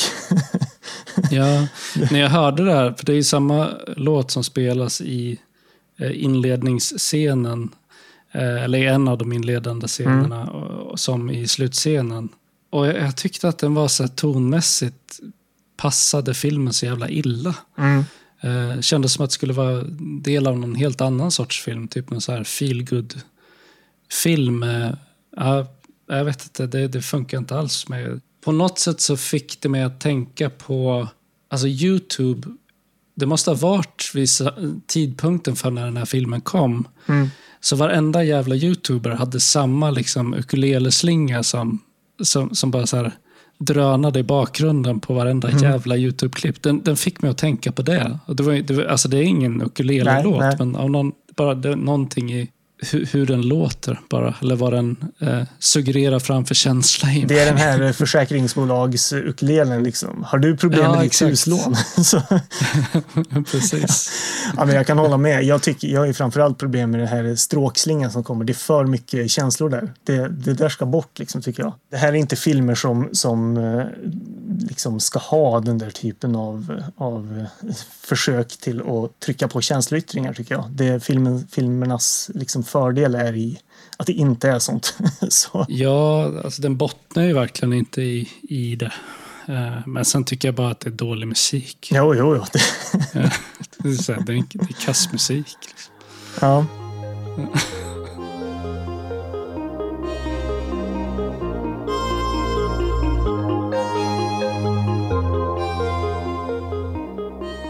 Hallå där alla fina lyssnare. Det är en lite lätt förkyld Jonathan här som kommer med ett förtydligande runt eh, den kommande diskussionen. Eh, det är inte så ofta vi gör det, men jag märkte helt enkelt någonting när jag lyssnat på avsnittet i efterhand. Eh, något som jag skulle vilja förtydliga. Och det är så att jag använde begreppet förlåtande några gånger under diskussionens gång och då i sammanhanget att jag tack vare lite tidigare genrevana och att jag sett mer mumblecore sen innan skulle vara mer förlåtande gentemot filmen och det som Andreas lyfter som brister då. Och jag kan tycka att det här användes ganska otydligt och lite slarvigt så här i efterhand. Som ni kommer höra så håller jag för det allra mesta inte med Andreas om den här filmens eventuella brister. Och att jag skulle vara förlåtande mot de här kan få det lite grann att låta som att jag mest har överseende med eventuella brister tack vare att jag uppskattar den här genren generellt eller i stort. Vilket inte riktigt stämmer. Bättre förklarat är kanske att jag ser den här filmen och de här filmerna kan man säga, den här genren, eh, på ett lite annorlunda sätt. Vilket eh, i mångt och mycket har med att göra att man, man har en slags genrevana om man kan kalla det för det. Eh, eller att jag i alla fall har, har sett ganska mycket mumblecore. Jag hade med mig redan från början helt enkelt vad man kan förvänta sig av de här filmerna. Eh, och framförallt så vet jag ju också om sen innan att det här är en typ av berättande som jag uppskattar, vilket också har en betydande roll. Så när jag under den här diskussionen säger att jag är förlåtande mot den här filmen så är det snarare något i den här stilen jag menar då helt enkelt att eh, jag tack vare förförståelse för genren och filmerna sen innan och att jag också vet om att jag uppskattar de här filmerna eh, helt enkelt ser dem och ser den här filmen på ett lite annorlunda sätt kanske mot vad Andreas har gjort. Eh, för att avsluta sen så kan jag ju säga att jag lite generellt kan tycka att mina poänger gällande den här filmen och varför den lyckas med vad den vill göra inte alltid blir så tydliga. Eh, framförallt inte i jämförelse med Andreas väldigt tydliga kritik. Eh, men förhoppningsvis så lyser det igenom på sina ställen att jag tycker väldigt mycket om den här filmen och att det är en finstämd och välspelad film med en hel del poänger. Om en ganska inbäddade sådana. Men med det sagt så avslutar jag den här lilla avstickaren och önskar er en fortsatt trevlig lyssning.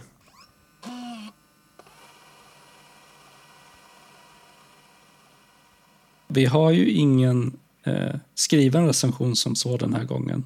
För vi, vi lyckades göra en deal med vår redaktion Mm. om att få slippa läsa vår inhouse-recensents texter när vi ska prata om nyare filmer eh, som då bon, Bonniers film och videoguide inte täcker. Och överenskommelsen eh, är dock att Rännstensredaktionens egen så kallade expertkritiker som vi ju fortfarande inte har fått svar på vem det är, får lägga ner lagen för äldre filmer som, som inte ingår i Bonniers film och videoguide. Men bryr sig inte om att recensera nyare filmer. Då. Om jag får vara lite cynisk så tror jag att det handlar om att den här personen helt enkelt vill kunna vara först med att uppmärksamma gamla bortglömda filmer som kan komma att bli nyfunna klassiker. Precis, det tror Helt jag. enkelt ta åt sig äran. Det känns kompatibelt med, med den här, eh, så som man har uttryckt sig tidigare. Sånt där nytt gegg är inte intressant. Nej, precis. Han är inte dugg intresserad av nyare filmer. Nej. Eh, Så vi får väl se om vi hör av vår så kallade expertrecensent igen. Om jag får bestämma så gör vi ju inte det. Förhoppningsvis aldrig. Han har varit ganska otäck senaste tiden med, med så konstiga utsvävningar och sådär. Det, det är något som inte är, Ja, är rätt där. Eh, men istället så har vi kommit på ett annat upplägg för hur vi ska ta in expertåsikter eh, när det gäller nyare filmer. Då. Eller hur, Jonathan? Vill du berätta om det? Ja, alltså i och med att vi då inte har en röst som lägger ner lagen så har vi i alla fall kunnat komma överens om att vi helt enkelt ska använda oss av Rotten Tomatoes på så sätt att vi ska plocka en recension som är positiv och en recension som är negativ. För att då dels få in båda åsikterna. Eh, Eh, men också då, då finns det ingen en, liksom, enväldig lag för de här filmerna utan då kan vi helt enkelt ha det här som en slags eh, startpunkt också. Eh, för vår egen diskussion. Där man kan se dels vad recensenterna kanske ser som positivt och vad de ser som negativt. Mm. I vissa fall kan det ju vara att det är uteslutande positivt. Ja, är i och för sig svårt att tro. Man kan alltid hitta någon contrarian. men, eh, men jag tror att det kan vara lite intressant då, att plocka in eh, både en positiv och en negativ röst i det här. Men det är ju bara expertrecensioner. Ja, precis. Ja, ja, ja självklart. Vi ska Mm. inte in och gegga bland, bland, bland de liksom, mannen på gatan som har recenserat filmen. Utan, eh, nej men det här, det är de Det, utvalda. det har vi nog av mellan dig och mig. Precis, precis. Så nej, det här är eh, recensenter som är liksom eh, publicerade på Rotten Tomatoes då. Eller i andra tidningar då såklart. Men det, det finns ju lite små kärnfulla eh, sammanfattningar ofta på de här recensionerna så de är ganska bra att liksom plocka in där då. Ja. Men så jag har valt ut två recensioner framför allt här då. Och eh, som jag nämnde tidigare, jag har fuskat lite för det är nämligen så att den positiva recensionen jag har valt ut är skriven av Nathan Rabin eller Rabin på The Dissolve. Och den här recensionen var, den var med på Rotten Tomatoes men på Factory 25s hemsida, alltså bolaget då som har distribuerat den här filmen, så hade de valt ett mycket bättre citat ur den. så, som jag tyckte liksom funkade bättre. Så, så jag, jag använde mig av samma recension, men jag har helt enkelt bara valt ett annat kärnfullt citat som jag tycker speglar det här bra. Då. Men jag kan säga att eh, faktiskt i det här fallet, de negativa recensionerna hade mycket tydligare poänger än vad de positiva hade. Säger det någonting om filmen? Ja, det är mycket möjligt. Men Jag tänkte att du skulle säga att de negativa recensionerna hade fel. ja, det, det, det, på sätt och vis. Nej, fel har de absolut inte. Det, det, här, det här är en, en ganska viktig grej i hela den dis diskussionen faktiskt. Eh, som vi såklart ska komma till. De positiva recensionerna var, upplevde jag i vissa fall, eh, hänvisade ganska mycket till att man, man skulle vara medveten om vad Joe Swanberg har gjort tidigare. Liksom. Mm.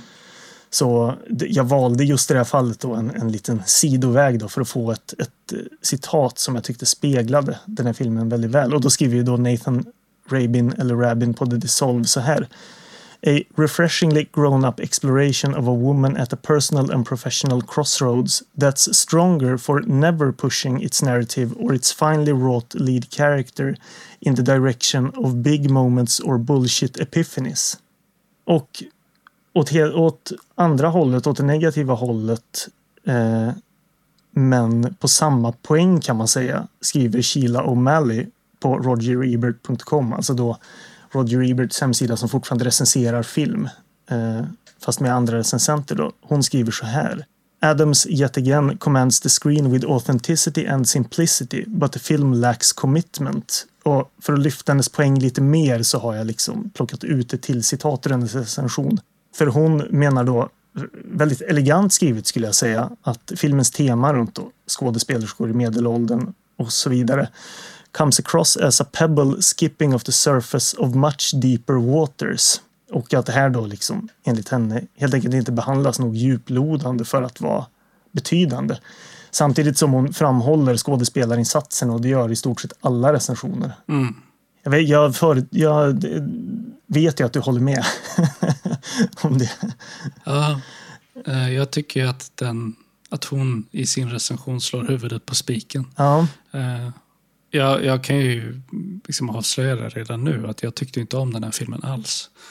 Eh, Så det bådar ju gott för vår, vårt samtal om den om inte Mm. annat. grejen är att alltså, jag kan ju se det här, absolut. Mm. Och den gräver ju inte alltså speciellt, speciellt djupt alls. Liksom. Eh, men jag, jag själv kan uppleva att en liten genrevana här gör en mer förlåtande.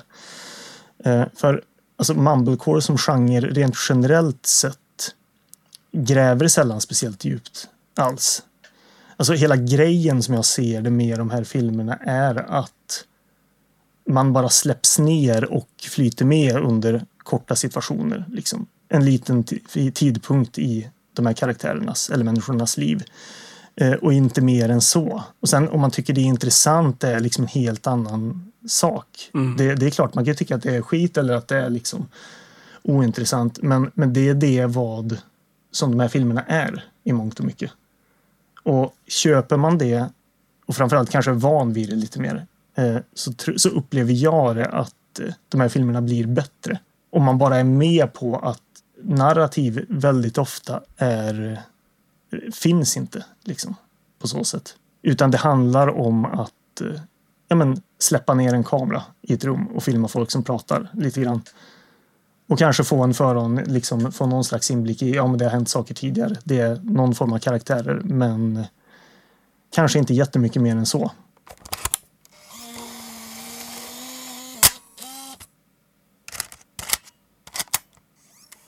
Här har vi ju inget VHS-omslag, vi har inget DVD-omslag heller. Eh, den här filmen är så vitt jag förstår inte släppt på något annat än eventuellt någon bootleg-DVD jag hittat. Mm. Men vi ska vi snabbt läsa från Letterboxd så vi faktiskt kan komma in på de här diskussionerna sen tänker jag. Mm. Det är inte så mycket att säga om handlingen för det på Letterboxd står det så här. An insomniac actress is facing the waning days of her career when her niece pays a visit to her Malibu house. Och ja, filmen är ju att Jane Addams grubblar över sin karriär och sin tillvaro och träffar människor och sen är filmen slut lite grann i mångt och mycket. Jag ska se här, nu hade jag konstig snurr på mina anteckningar. För jag hade någon annan poäng här som jag ville ta upp först. Ja, just det, för det var en annan recension som skrev något intressant. Det, det, jag kommer inte ihåg vem det var som skrev den, men det var från The Hollywood Reporter. Eh, som skrev så, det- i den stod det så här. Less a character study than a chance to marinate in a character's life at an important moment. Joe Swanberg's All the Light in the Sky offers only a glancing sense of the person eh, his protagonist has been. Eh, och det tycker jag liksom snarare är en, en bättre definition av vad det här är. Att det liksom inte är en karaktärsstudie på så sätt utan snarare bara en liten inblick i ett litet, liksom, en liten tidpunkt kan man säga. Mm. Eh, Men den här skribenten skrev någonting eh, at an important moment. Mm. Vad är, det, vad är det för viktigt ögonblick som vi dimper ner vid i hennes liv? Det är väl i någon mån att eh, hon just här, liksom framförallt i samband med att hennes då, niece, vad är det, systerdotter dyker upp och Ja, brorsdotter. brorsdotter och att hon börjar fundera över vad det är att vara liksom medelålders kvinna och ha en filmkarriär. Liksom. Gör hon det? Funderar över det? Jag tycker inte att det framkommer så mycket att hon faktiskt grubblar över någonting alls. Ja, jag skulle väl säga att de grubblerierna som förekommer rör ju sig i de temana. Liksom, I och med då Ja. att hon framförallt då studsar mot sin brorsdotter som också är skådespelerska. Eh, men det är också det att det som jag tyckte att den här positiva recensionen skrev väldigt fint är att man gör det här utan att bygga det på big moments liksom. Eller epiphanies. Att man, man helt liksom skippar det. Eh, utan att man gör det här väldigt småskaligt. Liksom. Mm. Och det, det tycker jag är till filmens fördel. Det är det jag, till, alltså bland mycket annat, tycker om. Jag har ju sett den typen av film många gånger tidigare som, som gör det och som jag tycker väldigt mycket om. Mm. Så, så det har ju inte med det stilistiska valet i sig självt eller det berättarmässiga valet i sig självt att göra att jag inte gillar den här filmen. Liksom. Utan snarare att jag upplever det som ett ganska misslyckat försök att göra just det. Jag tycker, för mig så lyckas den inte med det. Eh, jag tror inte på de här karaktärerna. Liksom. Jag tycker inte att deras interaktion med varandra känns genuin. Liksom. Det enda jag ser när jag ser den här filmen är skådespelare som anstränger sig till det yttersta för att liksom göra imponerande improvisationer. Mm. Jag upplever liksom inte att karaktärerna faktiskt lyssnar på varandra. Så jag, det är bara så här, jag vet inte. Jag, jag, jag gillade inte det här alls. Eh, men den öppnar ju starkt däremot. Mm. Eh, för hon, hon ligger i sin säng och lyssnar på en filosofiföreläsning. Och eh, vet du vem det är som pratar här? Nej, Jag har läst namnet. Jag känner inte till, eh, till honom som filosof, men jag kände igen namnet väldigt väl och jag läste på, på olika ställen. Ja, för jag kände igen den här rösten direkt. Liksom. Det, är, det är Alan Watts. Mm. Eh, Det är en gammal brittisk filosof som, som tillsammans med ett gäng andra filosofer och tänkare var väldigt tidig med att- introducera österländsk filosofi och religion till, eh, till väst under 50 och 60-talet. Mm. Och eh, Alan Watts eh, pratade framförallt om buddhism, eh, zen-buddhism, eh, taoism och eh, i någon mån även om andra trosläror som hinduism, kristendom, modern filosofi Mm. och så vidare. Eh, och han liksom vävde samman olika trosläror och filosofiska system till en slags betraktelser över livet och verkligheten. Jag tror att han, för mig han brukade kalla sig för så spiritual entertainer.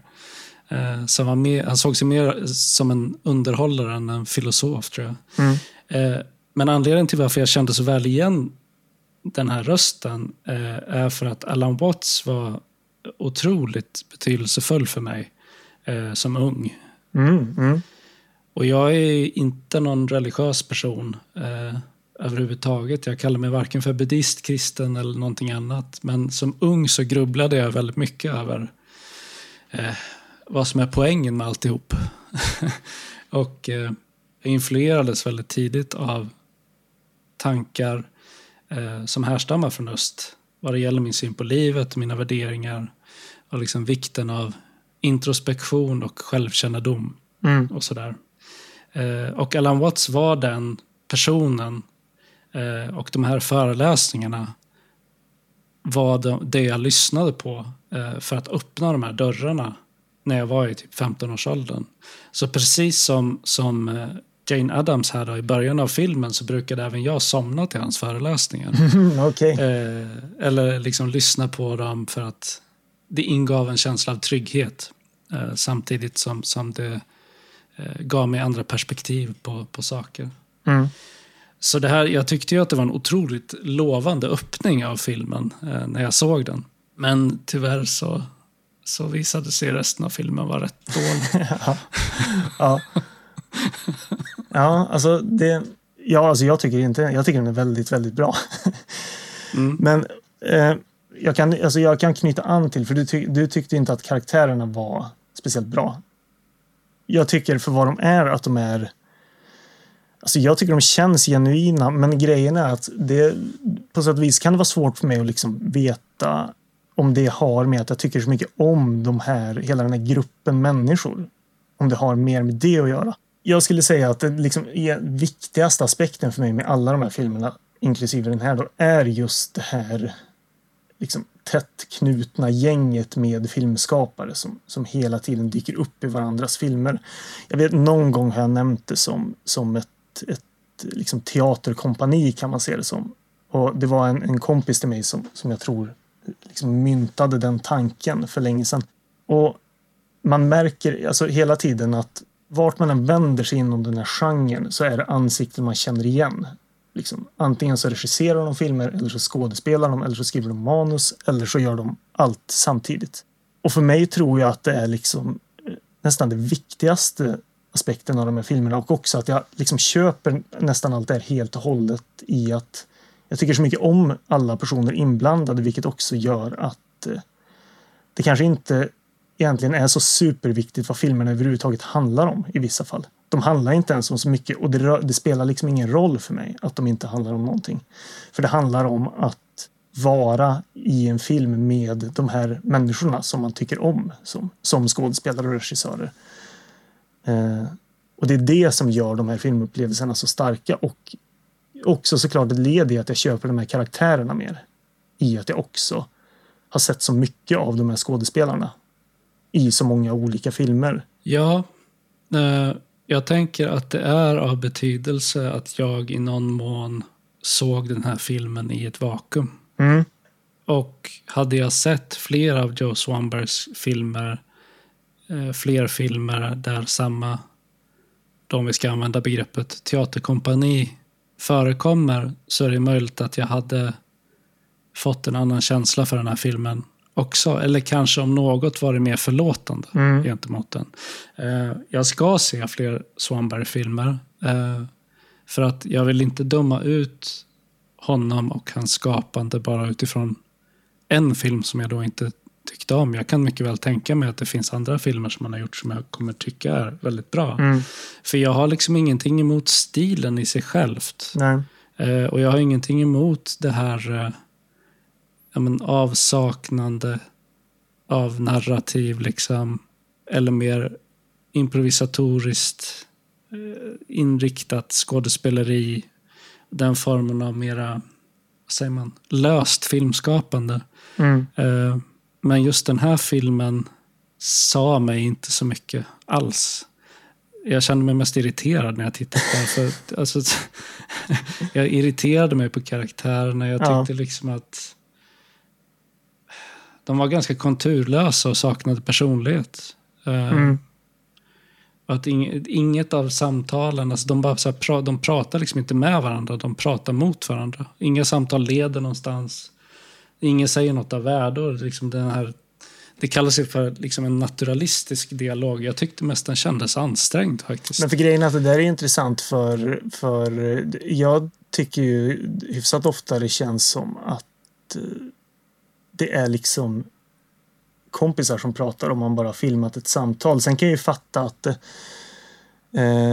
att det kan kännas ansträngt i och med att om man då har liksom tryckt in ett tema i det man pratar om. Men det, alltså, återigen, jag tror att det har med att det för mig också lyser så mycket igenom att det här hela tiden är människor som uppskattar så mycket att arbeta tillsammans.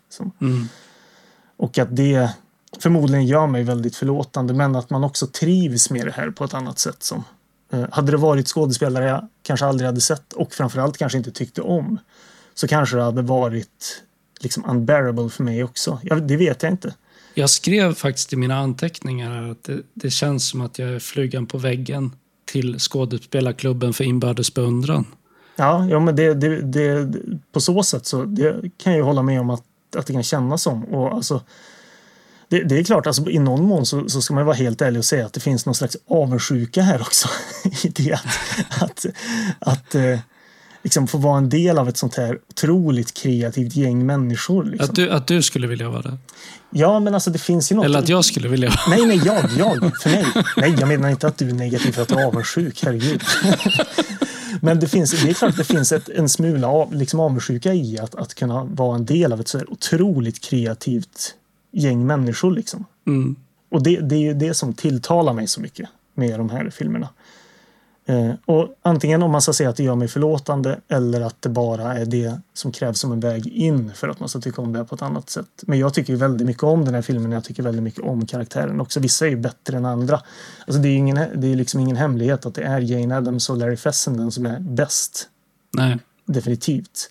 Och de är ju bra, alltså verkligen bra tycker jag. Speciellt tillsammans är det liksom oslagbart. Ja, det, är de, alltså det finns ju ett par scener i den här filmen som jag tycker om och som jag tyckte var bra och kände att ja, men nu händer det ju någonting här. Mm. Nu, nu känner jag någon form av liksom nerv eller att det är något här som faktiskt spelar roll.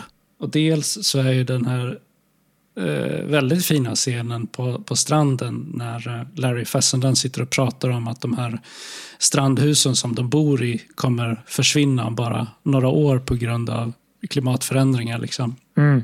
Det, är så här, det leder ju ingenstans. Det är bara en liten eh, monolog som man håller om, om sakernas tillstånd. Jo, men det men var en alltså- väldigt fin scen. Liksom. Ja, ja, men du har ju en liten, eh, en liten replik där som också är hyfsat anknuten till temat för filmen. För de har ju pratat om Larry Fessendens karaktär, att han som liksom manlig skådespelare bara kan svepa in i vilka rum som helst och ligga med vilka tjejer som helst.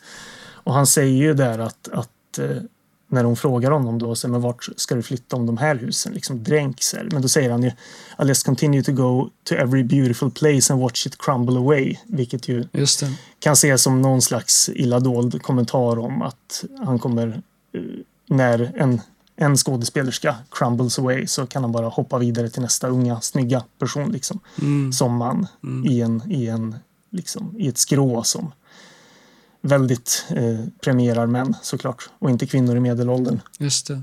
Ehm, Ja, för att den andra scenen som jag tyckte mycket om var ju eh, scenen mellan honom och eh, Jane Addams där på, i slutet av filmen eh, när de sitter i soffan tillsammans och ja, man, de, de ger liksom intryck av att det finns någon form av attraktion mellan de här två karaktärerna men att det är komplicerat och Mm. känslomässigt komplicerat.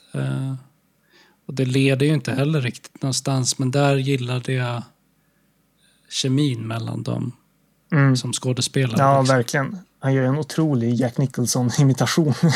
Ja, just det. Ja. Faktiskt. Ja, men alltså, det, det, Joe Swanberg pratade med Mark Maron om det här. Alltså Mark Maron sa något intressant och det är ju det att man, att framför allt om man ser, du visste ju om att det var filmer utan, utan narrativ. Liksom. Mm. Men om man går in med dem, med som han sa, narrative expectations, så är det ju framförallt då man kan liksom eh, bli snurrig av de här filmerna. Och jag tyckte det var roligt för de sa det att liksom det stora avgörande momentet i den här filmen är att den här eh, jackhängaren ramlar ner. liksom. Ja. det, det är liksom ett, ett avgörande, en avgörande del av den här handlingen. Är liksom att, att den här grejen som de har skruvat upp ramlar ner. Det är inte mer eh, större än så. Det är ju den här karaktären Dan då, spelad av Kent Osborne Mm. som de träffas ju på, på en fest och han är ju yngre än henne. Och sen inleder ju de någon form av eh, kort romans. Mm. Eh, och i, i det, det, romansen börjar med att han lagar hennes toalettlock. Mm. Eh, det tycker jag också så här, och så jävla, alltså de känns så dumma i huvudet båda två karaktärerna. för de sitter där så här, han, han liksom instruerar henne i att ja, men ett toalettlock sitter fast med två skruvar längst bak. Och hon, hon har innan sagt att det här toalettlocket har varit trasigt hur länge som helst. Menar, hur jävla inkompetent kan en människa vara liksom? Att toalettlocket sitter löst. Har hon inte ens tittat Nej, men det där är hur, väl... hur det är fäst liksom? Nej, nej, men precis. Och, och han framstår för henne som någon så här höjden av eh, yrkesmannamässighet när det kommer till hantverk. Då, för att han kan identifiera att toalettlocket sitter fast med två skruvar och sen dessutom hjälpa en att skruva, ut en, en, eh, skruva upp en, en klädhängare liksom i hallen. Som sen då ramlar ner för att den ju inte är fäst ordentligt. liksom. mm. Eh, så det blir så här imbeciller. Ja, men alltså, det, där är väl, det där är väl ganska få liksom, små spår som, som är liksom film. Alltså spelfilmsgrejer som, som känns som såklart är liksom aparta här. Mm. Men att det är såna här spår av en, en eh, romantisk komedi Mm. på något vis. Nej, men jag tyckte det var kul det där att liksom, det blir inte mer storslaget än så i, i det här historieberättandet. Nej. Kan du, vad, vad är din liksom syn på deras korta relation där? Varför blir det inte mer än, än så? Ja, men alltså det, det får man ju inte veta om det blir i och med att filmen är slut. Och det är väl bara ytterligare en del i... Alltså det ska ju sägas, det slutar ju med att de har haft, haft något slags one night stand och hon glömmer sina bilnycklar in hos honom. Och det blir väl... Hon drar ju medan han ligger och sover. Men inser sen att de liksom- inte kommer därifrån. Och det blir konstig stämning liksom. Eh, Ja. Och, nej men alltså det, det, jag, jag, det enda jag tänker är att, men alltså är det är meningen att man ska spekulera i vad som händer med dem sen? Utanför den här filmen liksom. Jag bryr mig inte.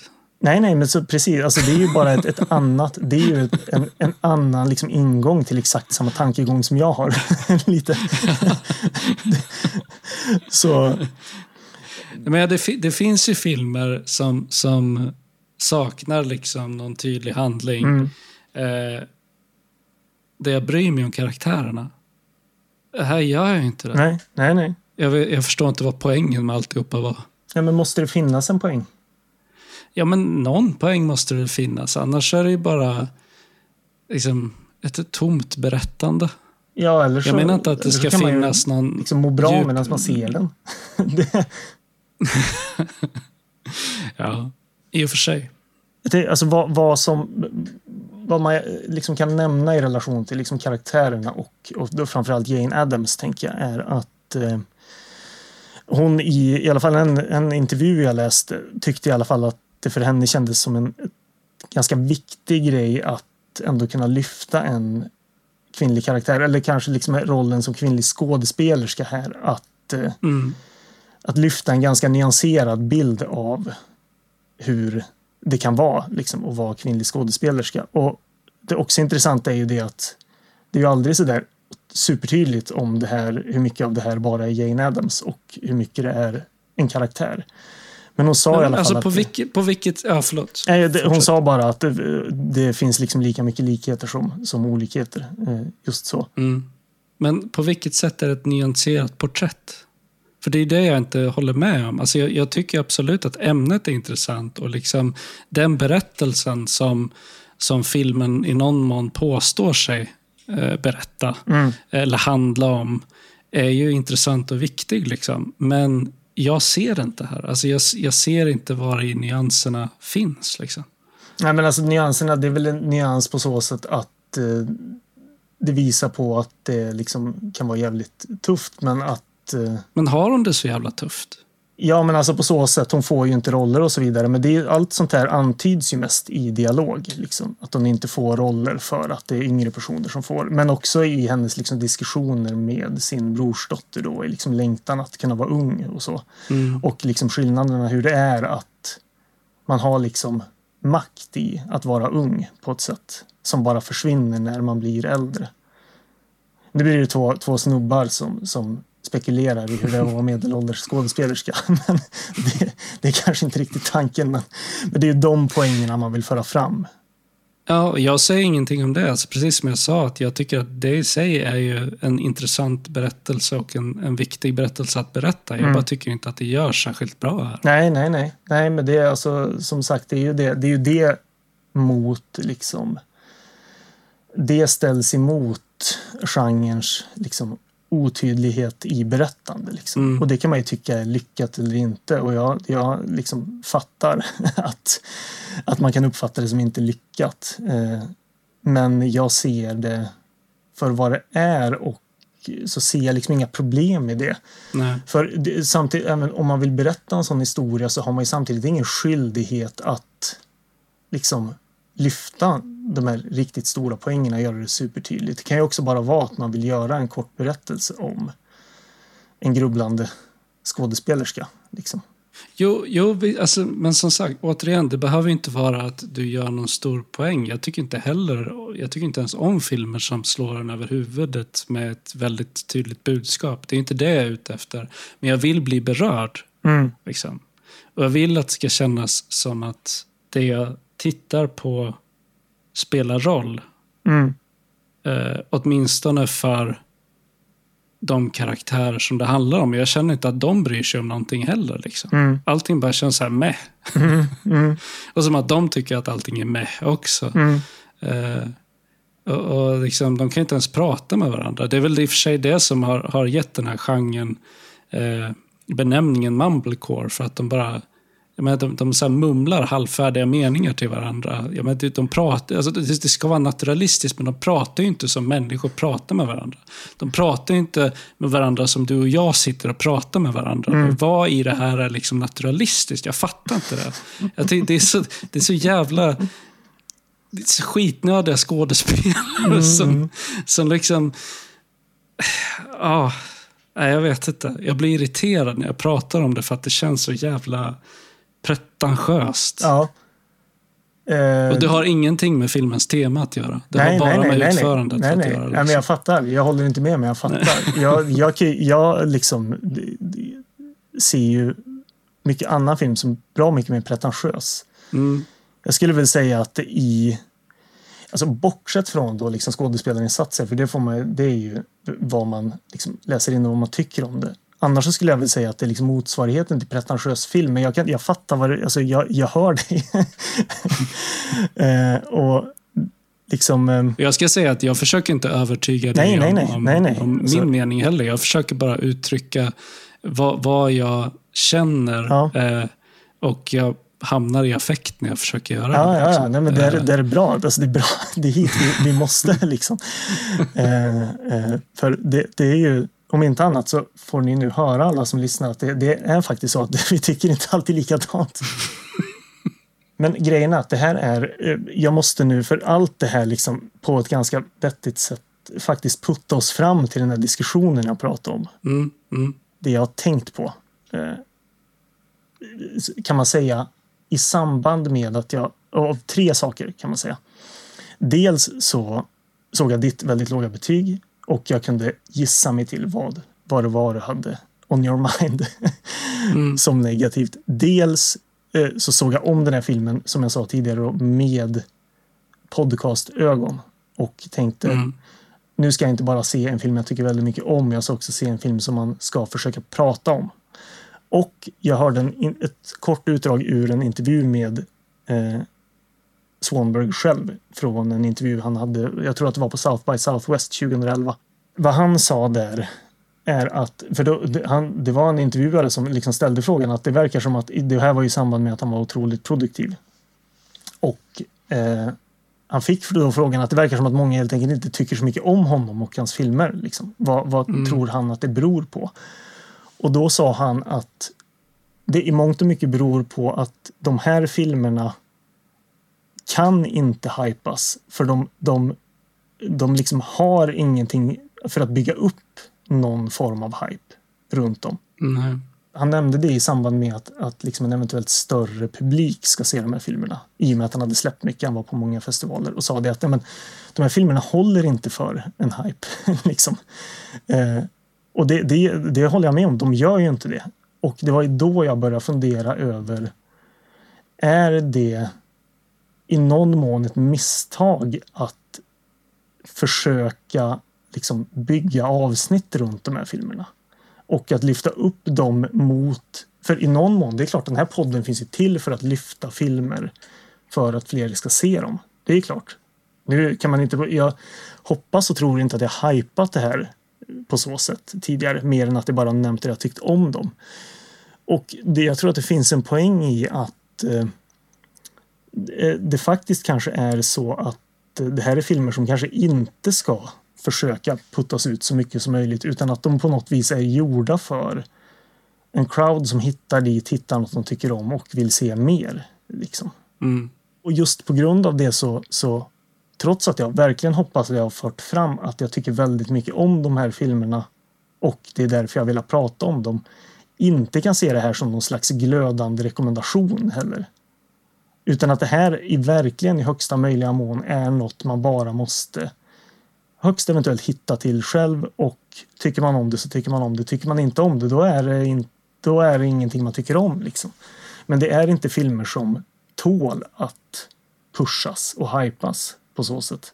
Och det, det, det slog mig först sen. Och jag tror, jag tror att vi ändå har kommit fram till poäng. Liksom. Att vi ändå har liksom, inte nått fram till varandra, men nått fram till någonting. men att det här Ja, kanske... men, alltså, jag, jag tror att vi har full förståelse för ja, varandras ja, eh, känsla för filmen vi har sett. Liksom. Jag, jag förstår, tror jag, eh, precis vad du menar och vad det är som gör att du tycker om den här. Jag bara känner inte samma sak. Liksom. nej, nej, nej. Och så kan det ju vara. Liksom. För mig så, så är det som en, en film som känns skapad för andra filmskapare. Jo, ja, men, ja, men det, det, det kan jag ju absolut se. För skådespelarnas eget höga nöjes skull av att få liksom improvisera fritt framför kameran. Och jag menar, jag fattar. Alltså var, vi pratade om det i början av avsnittet. Jag, alltså jag Svanberg verkar vara en supertrevlig person. Mm. Och av allt att döma så, så eftersom han ju också har jobbat med samma människor om och om, om igen så är det ju uppenbarligen personer som trivs väldigt bra i varandras sällskap. Så jag tror absolut att det är en väldigt trevlig liksom, atmosfär vid deras eh, inspelningar och att de har skitkul. Liksom.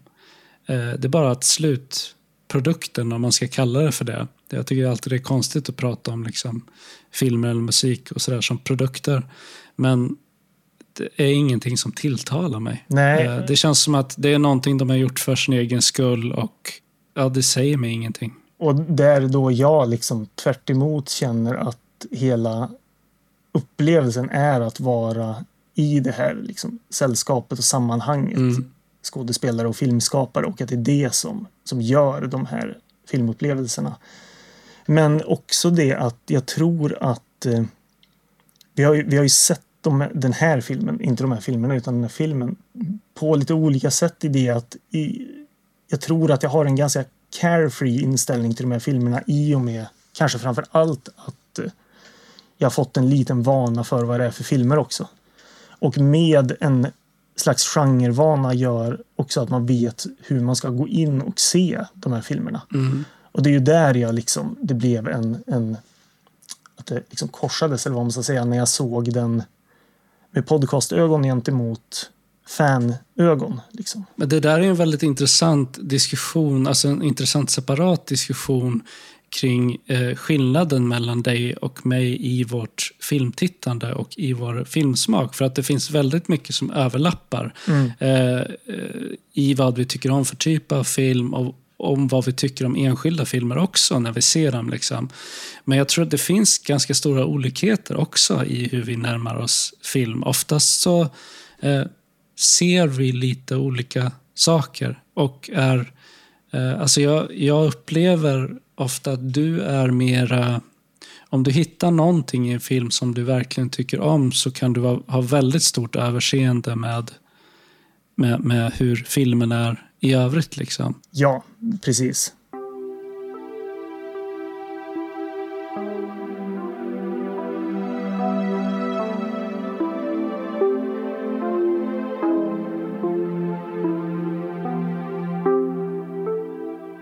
Man landar på ett lite intressant ställe i det att eh, eh, du tycker inte alls om den här. Jag tycker väldigt mycket om den. Men med det sagt så är det inte heller något jag liksom ber folk att springa och se.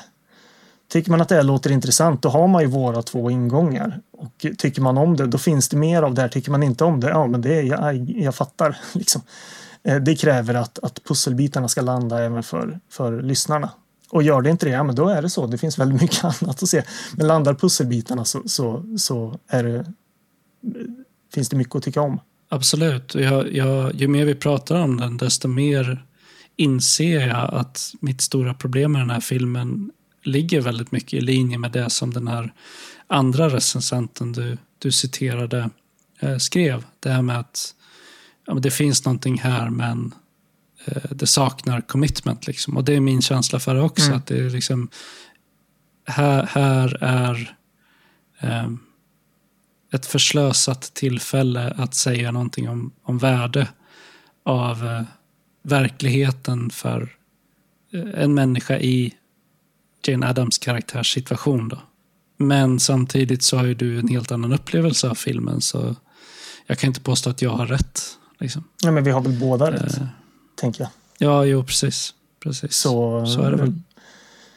Ja, Jag vet inte vad man ska säga till våra lyssnare. Alltså det, det, ni får väl, det, det, Man måste avgöra titta, själv. Ja, Alltså, ti- titta gärna sättet. på den här. Och, eh, eh, det, det, jag, Men det är enda sättet med allt. Alltså, Ja. Hela den här grejen.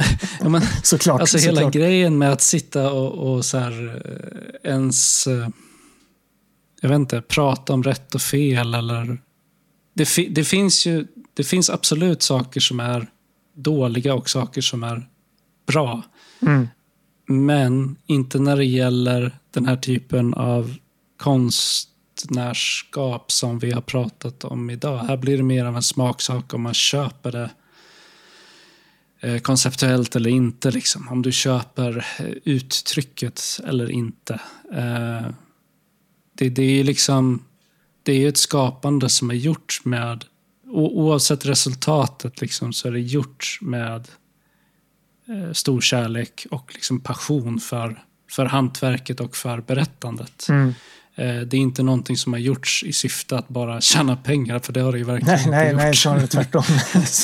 Eh, Eller att väcka mycket uppmärksamhet Nej. eller att vara provocerande. Eller det är liksom inte...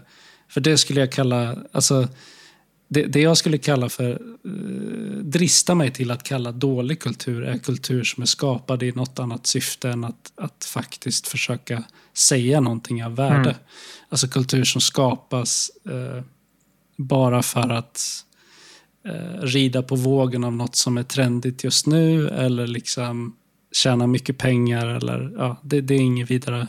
Den, den typen av, av filmer eller musik så kan råka vara bra, men Mm. ja, det i första hand så är det bara en kommersiell produkt. Det här är ju inte det. Det här är ju eh, en, en eh, ja, men Joe Swanbergs singulära vision. Eller inte singulära, för att det har ju skett verkligen i samarbete med, med skådespelare och, och eh, övriga deltagare i filmen. Men, Mm. men det är ett genuint uttryck. Och sen är frågan om man gillar det eller inte. Liksom. Ja, jo men precis.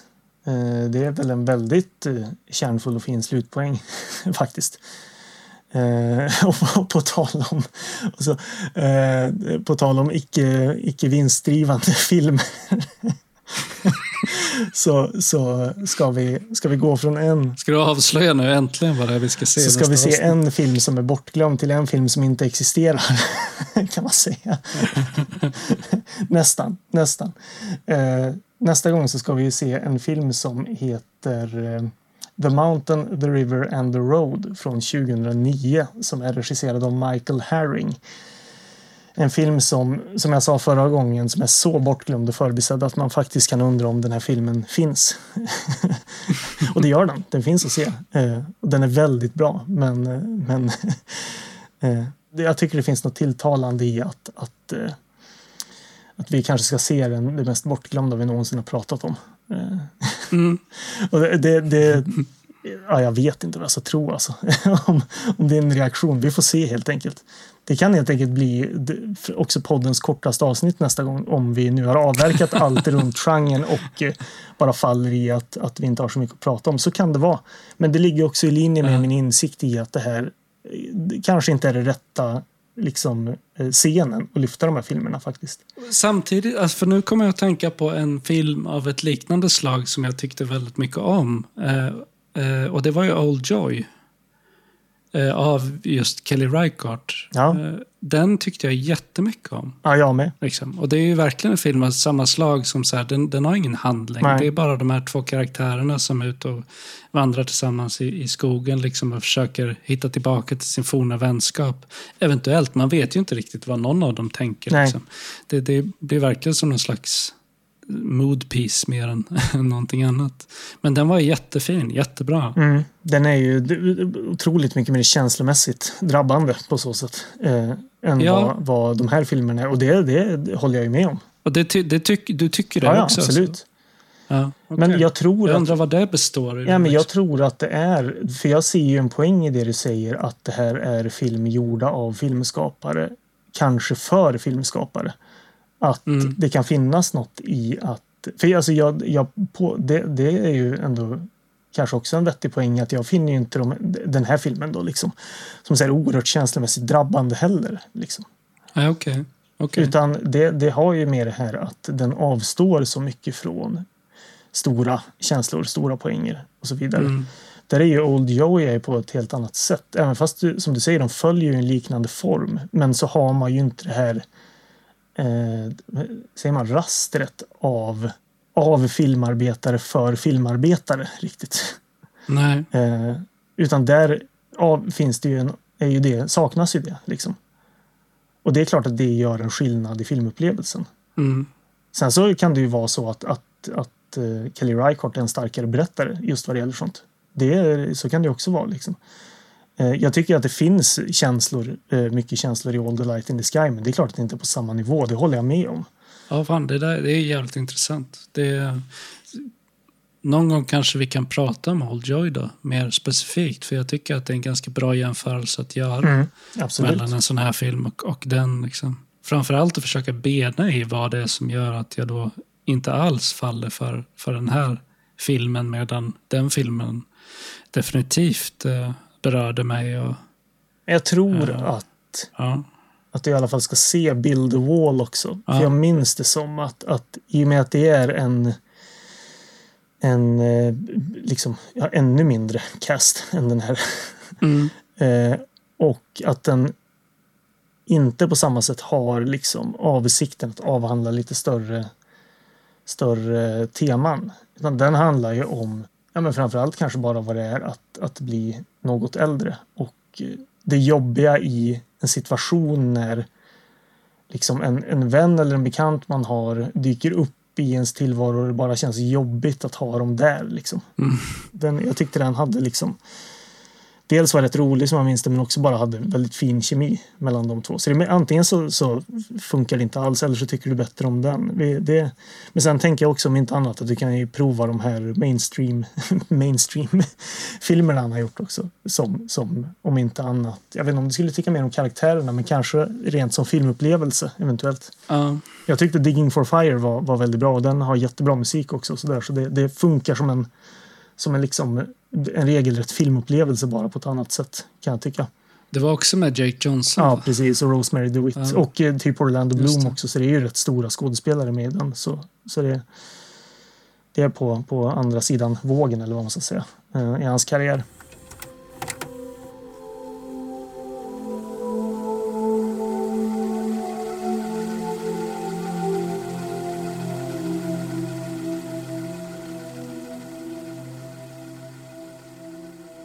Vi har verkligen vi har nått fram någonstans. Eh, och jag, jag har inga jättehöga förhoppningar till nästa gång. Det är en annorlunda film i alla fall så långt. Det är lite av en road movie till nästa gång. Så, så det, det har inte det här... Jag ska inte säga att den är fullt lika planlös, för det kanske den är. Det var ett par år sedan jag såg den. Men jag minns att jag tyckte väldigt mycket om den. Så, Ja. Men som sagt, planlösheten i sig är inget ja, problem. nej, liksom. nej, nej, Det är- nej, men det, det, det här med starka karaktärer. Ja, det, det, jag har inga, inga förhoppningar, men vi får se. Jag, jag gillar ju ett, ett, eh, road movies, men jag föredrar ju tåg movies. Ja, precis. Ja, var- vi får ju se Joe Swanberg på andra sidan kameran i alla fall. Så, Just det. Ja, men till nästa gång då, The Mountain, The River and the Road från 2009. Lite, vi närmar oss Mumblecorens guldålder också. Eh, Det är lite, Mm. lite mer DV-kamera eh, och så vidare. Är vi fortfarande vänner trots den här hettade debatten? Absolut. Ja, det, det, gick, det, det gick bättre än jag trodde så att säga. Ja, eh, det, ja. Ja, Vi, har, vi har hittat fram någonstans tror jag. Ja, du får skita på någon av mina favoritfilmer i framtiden. Nej, men det är ju det där grejen att jag tror att, att mm, jag vet ju att du tycker om saker jag inte klarar av. Så vi har bara inte hittat fram dit. Mm. Eh, vi, vi har inte hittat till de filmerna än. Liksom. Men, men jag, Jag ser faktiskt fram emot det. Jag tycker det ska bli jättekul. Någon gång när jag liksom ja, väljer någonting som jag tycker är skitbra. Det är bara så att det här är helt värdelöst. Jag, det, det, jag ser verkligen fram emot hint, hint, wink, wink så kan ju ta något med mycket magisk realism och sånt där. så, Ja, just det. Just det. så, om, Ja, om det ska bli bråk igen framöver. Men, men eh, eh, som sagt då, det blir, mer, det blir mer mumblecore. Om det är ett misstag eller om vi kanske slutar lite mer på topp, det, det blir väldigt spännande att se. ja. Jag tror att i alla fall att du kanske, kanske inte kommer vara lika provocerad nästa gång. Eh, det är det enda jag kan gissa mig till. Eh, så ja, mer om det om två veckor. ja, det blir kul. Jag ser fram emot. Mm, Vi hörs då. det gör vi. Ha det bra. Hej då. Ha det bra. Hej!